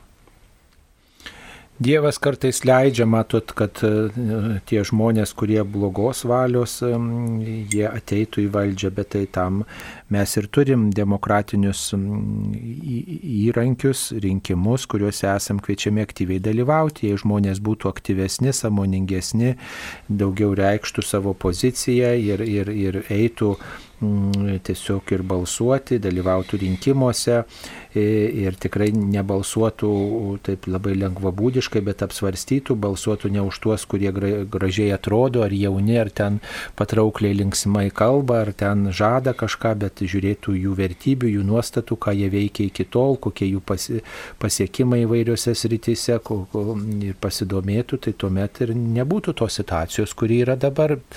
Tai, žinot, kartais reikia daug ko netekti, kad suprastum, ką turėjai ir, ir kad žmogus na, tada keistų savo elgesį. E, taip, dar žinutė. Mano supratimu, švenčiausią trybę galima apibūdinti kaip dogma, be jos ir mokslo pasiekimai negalime ir aš klystu. Taip, dogma tai yra švenčiausioji trybė, bet mokslo pasiekimai galimi. Ir be šitos dogmos e, mokslai, mokslų pasiekimai, e, jie vyksta savo ruoštų. Svarbu, kad tik tai jie būtų tie mokslo pasiekimai, taip sakant, gerbtų žmogų, gerbtų e, taip, kurėją ir etiškai elgtųsi su, su, su e, visokiais eksperimentais, su žmogumi, su kūrinyje, tas etiškumo principas būtų išlaikytas e, mokslo srity. O švenčiausiosios trybės dogma ji nagrinėja Dievo vidinį gyvenimą. Tai net nesusiję su, su šiuo pasauliu, nesusiję su šiuo pasaulio realybė, tik tai tiek, kad kiek, me, kiek mums tai pažinu, tai susiję su šiuo pasauliu. Taip, dar viena žinutė teko girdėti iš teologo, kad Velykų laikotarpiu bent iki atvelykio, gal ir iki sėkminių penktadieniais neprivalomi pasninkai. Ar tai tiesa? Na, iki atvelykio tai yra Velykų aštuondienis, viena Velykų diena švenčiama kaip aštuonė, e, per aštuonias dienas, tai tikrai tuo metu penktadienį pasninkas neprivalomas, nu, tai yra kaip Velykos švenčiamos ne vieną dieną, bet net ir penktadienį. O Velykų laikotarpiu vis dėlto mm, privalomas pasnikas penktadieniais yra. Viskupai nustatė, kad visi metų penktadieniai. Taip, ne, nebent būtų dienos, nebent iškilmė. Iškilmė iš, papultų kokią nors. Taip, dabar dar e, viena žinutė apie šventą įraštą. Luko Evangelijos 11 skyrius, 25 eilutė. E, taip, netyroji dvasia e, sugrįžusi randa išluotus namus ir išpoštus. Tada pasiima kitas septynias dvasias, dar piktesnės ir įėjusios ten apsigyvena. Paskui tam žmogui darosi blogiau negu pirma. Kas čia negerai, kokie būtų, turėtų būti mano namai, čia vidiniai namai. Na tai turbūt toks vat, galėtų būti paaiškinimas, kad žmogus nueina, kad ir pas egzorcistą, pavyzdžiui, nelanko, lanko, lanko, prašo maldos, maldos, maldos, išvarimo, išvarimo, to piktojo jo išvarimo iš jo namų ir tikrai egzorcistas meldžiasi ir jis gal meldžiasi tas žmogus ir trokšta išsilaisvinimo iš piktosios dvasios įtakos. Štai įvyksta tas išlaisvinimas, žmogus priima komuniją, išpuoštas viską, bet džiaugiasi ramybė, viską, bet jisai grįžta ir nieko daugiau nebedaro. Jisai nei meldžiasi toliau, nei švenčia sakramentų, nei, nei prašo Dievo pagalbos, o gal vėl eina pas tuos būrėjus arba, arba na, tokį gyvenimo būdą gyvena, kuris tikrai yra atviras piktai dvasiai. Va, tai, tai štai tos e, piktosios dvasios ir vėl sugrįžta pas tą žmogų, nes jisai tą apsaugą e, tiesiog, na, tokia išorinė laiko, bet ne vidinė. Jisai jos nestiprina iš savo pusės. Turbūt ir čia. Ir tinka ir mums dažnai, kaip elgi mes atliekam išpažinti ir užmirštam ir iki kito karto. Bet reikia stengtis, būdėti, tikrai taisytis, pažadam taisytis, bent dėti pastangas taisymusi, jeigu ne prie išpažinties, išėm iš bažnyčios, viską paviršom, vėl grįžtame seną gyvenimą, tai tikrai vėl tai visi sakytume, nuodėmės ir tie visi velniai sugrįžta į savo, savo gerus namus, tai turim stengtis, turim būdėti. Taip, dar vienas e, prašymas, tai yra pakomentuoti iš to paties skyriaus Luko Evangelijos 11 skyriaus 34 eilutę. Kūno žiburys yra tavoji akis. Todėl, jei tavo akis sveika, visam tavo kūnui bus švieso. Jeigu tavo akis nesveika, tavo kūnas kendės tamsoje. Žiū, todėl žiūrėk, kad tavoji šviesa nebūtų e, tamsybė. E, Taigi, kada akis yra sveika, kada ne, kaip išlaikyti ją sveiką, kai aplink tiek purvo, melo ir neteisybės. Na tai, žinot, anksčiau taip svarstyta ir tokia mintis buvo, kad tas tavo akis yra tarsi prožektorius, jie apšviečia tavo, aplink, tavo aplinką ir į ką, į ką tu kreipi dėmesį, kas, kas tau svarbu, į ką tu žiūri, į kam tu skiri dėmesį, e, tai veikia tavo gyvenimo istorija. Jeigu tu domiesi tokiais tamsiais dalykais, melu, nuodėmė, prievarta, smurtu, e, pornografija, dar kažkuo, tai visam tavo, ne tik tai kūnui, visai tavo gyvenimo istorijai bus tamsu. Tai e, tarsi prožektorių tu apšvieti blogį ir jį į save įtrauki, skiri tam dėmesį, bet mes pastebim, kad yra pasaulyje blogis, bet nuo jo esam kviečiami atsiriboti, tą blogį taisyti kitokių elgesių, nepritarti tam blogiu ir pažiūrėti, ką galiu gerą padaryti, savo gyvenimo būdų, tą šviesą, tikėjimo šviesą nešti, kad ir mažai žingsneliais. Kartais galim tik ignoruoti tą blogį, kuris yra, nuo jo atsiriboti, reiškia, pavyzdžiui, pornografija, nežiūrėti, pavyzdžiui, kažkokia nuodėmė yra dar kažkas prievartas, smurtas, tai neatsakyti tuo pačiu, ne, Vat, tai arba kaip tik sudrausti galbūt piktą darantį ar panašiai. Kaip į tokius gražiai žydų patarlė yra, sako, Dievas sukūrė akį, bet sukūrė ir akių vokus. Tai reiškia, kai kada reikia užsimerti ir, ir nežiūrėti, ko, ko nereikia, nes saugot savo, š... nes per akis ateina tas ir nuodėmė ateina ir, sakytume, ir gražus dalykai, tai tikrai saugokime savo žvilgsnį. Pats šiais laikais, aišku, sunku, bet tikrai verta stengtis. Mm, taip. Kodėl kunigas Jurkštas neatsako į klausimus, kunigas Jurkštas skubiai turėjo išeiti pas ligonį, taigi, žodžiu, jis taip išslinko mums čia bekalbant, nes turi atlikti kunigišką tarnystę. Pastoracija. Pastoracija laukia. Taip, ir dar čia kviečia pakomentuoti pirmas laiškas korintiečiams, šeštas skyrius, 18 eilutė. Sergikitės palaidumo, jo jokia kita žmogaus daroma nuodėmė nepaliečia kūno, o ištvirkelis nusikalsta savo kūnui nusikalsta savo kūnui, tai yra, reiškia, kad mūsų kūnas yra šventosios dvasios šventovė ir jeigu mes šitą šventovę išniekiname ištvirkavimu, tai tokiu būdu e, paniekinam šventosios dvasios buveinę, namus, e, kuriuose gyvena šventoji dvasia. Ir pa, pa, pa, pažeidžiam tokią savigarbą, su tokį orumą, kaip žmogaus mūsų mes sukurti santykiui, bendrystėj, dovanojimui, įsipareigojimui, atsakomybė ir mūsų kūnas tam turi patarnauti, o kartais tai paliekama tokiam egoizmui, vartojimui, sudaiktinimui, tai ir iš žmogiškos pusės paniekinam save ir tokia vat paniekinam Dievo planą mumise mums skirtą. Nes palaidumas pirmiausia savo save paverčiam, savo kūną paverčiu daiktų, kurį naudoju savo, sakytam, proto malonumui patenkinti ir kitą žmogų paverčiu daiktų tikrai.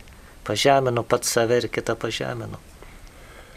Taip, na čia prašau išsakyti nuomonę dėl renkamos paramos James Martin knygos vertimui nešama didelė sumaištis tarp tikinčiųjų. Na tai visada reikia žiūrėti, kam renkama parama, jeigu įsiaiškinti, jeigu manau, kad šitai knygai netinkama parama, jeigu prašo mano paramos ir įsiaiškinu, kad tas autorius rašo priešiškus dalykus, neprisidedu, jeigu manau, kad tinkama, gerai, tai tada prisidedu, tai kviečiame tikrai labai stebėti, ką mes remiame nuodėmės. Kunigas Sigitas Jurkštas labai gražiai pasakė, kad išmalda auka mūsų rankoje turėtų suprakaituoti, kol sugalvosiu, kam ją skirti. Tikrai atsakingai pagalvoti, ką remiame, kodėl remiame ir tiesiog na, su tokia atsakomybė. Ta, trumpai tik primint, kad šitas autorius ne visos jo temos, bet kurios susijęs su LGTB bendruomenė yra kontroversiškos, tai ne, ne visada atspindi bažnyčios mokymą ar bažnyčios poziciją. Tai, tai jeigu, manau, reiktų sąžinės reikalas, manau, turbūt ne, nerem šitos knygos, nes jinai įnešas savotišką sumaištį ir čia ne, ne, ne mūsų įsigalvomas, bet ir, ir kunigai, ir, ir užsienio šalių viskupai yra daug pastabų pasakė tam autoriui, tai manau geriau, geriau laikytis to, kas eina su bažnyčios linija. Tiek šių atsakymų šioje laidoje. Laidoje dalyvavo kunigas Sigditas Jurkštas iš Šilainių Šventos dvasios parapijos ir taip pat Šiluvos parapijos kunigas Robertas Urbonavičius. Prie mikrofono buvau ir aš kunigas Saulis Bužauskas. Viešpats jūs te laimina, te globoja ir te padeda brolystę vienybę išlaikyti. Ačiū sudė.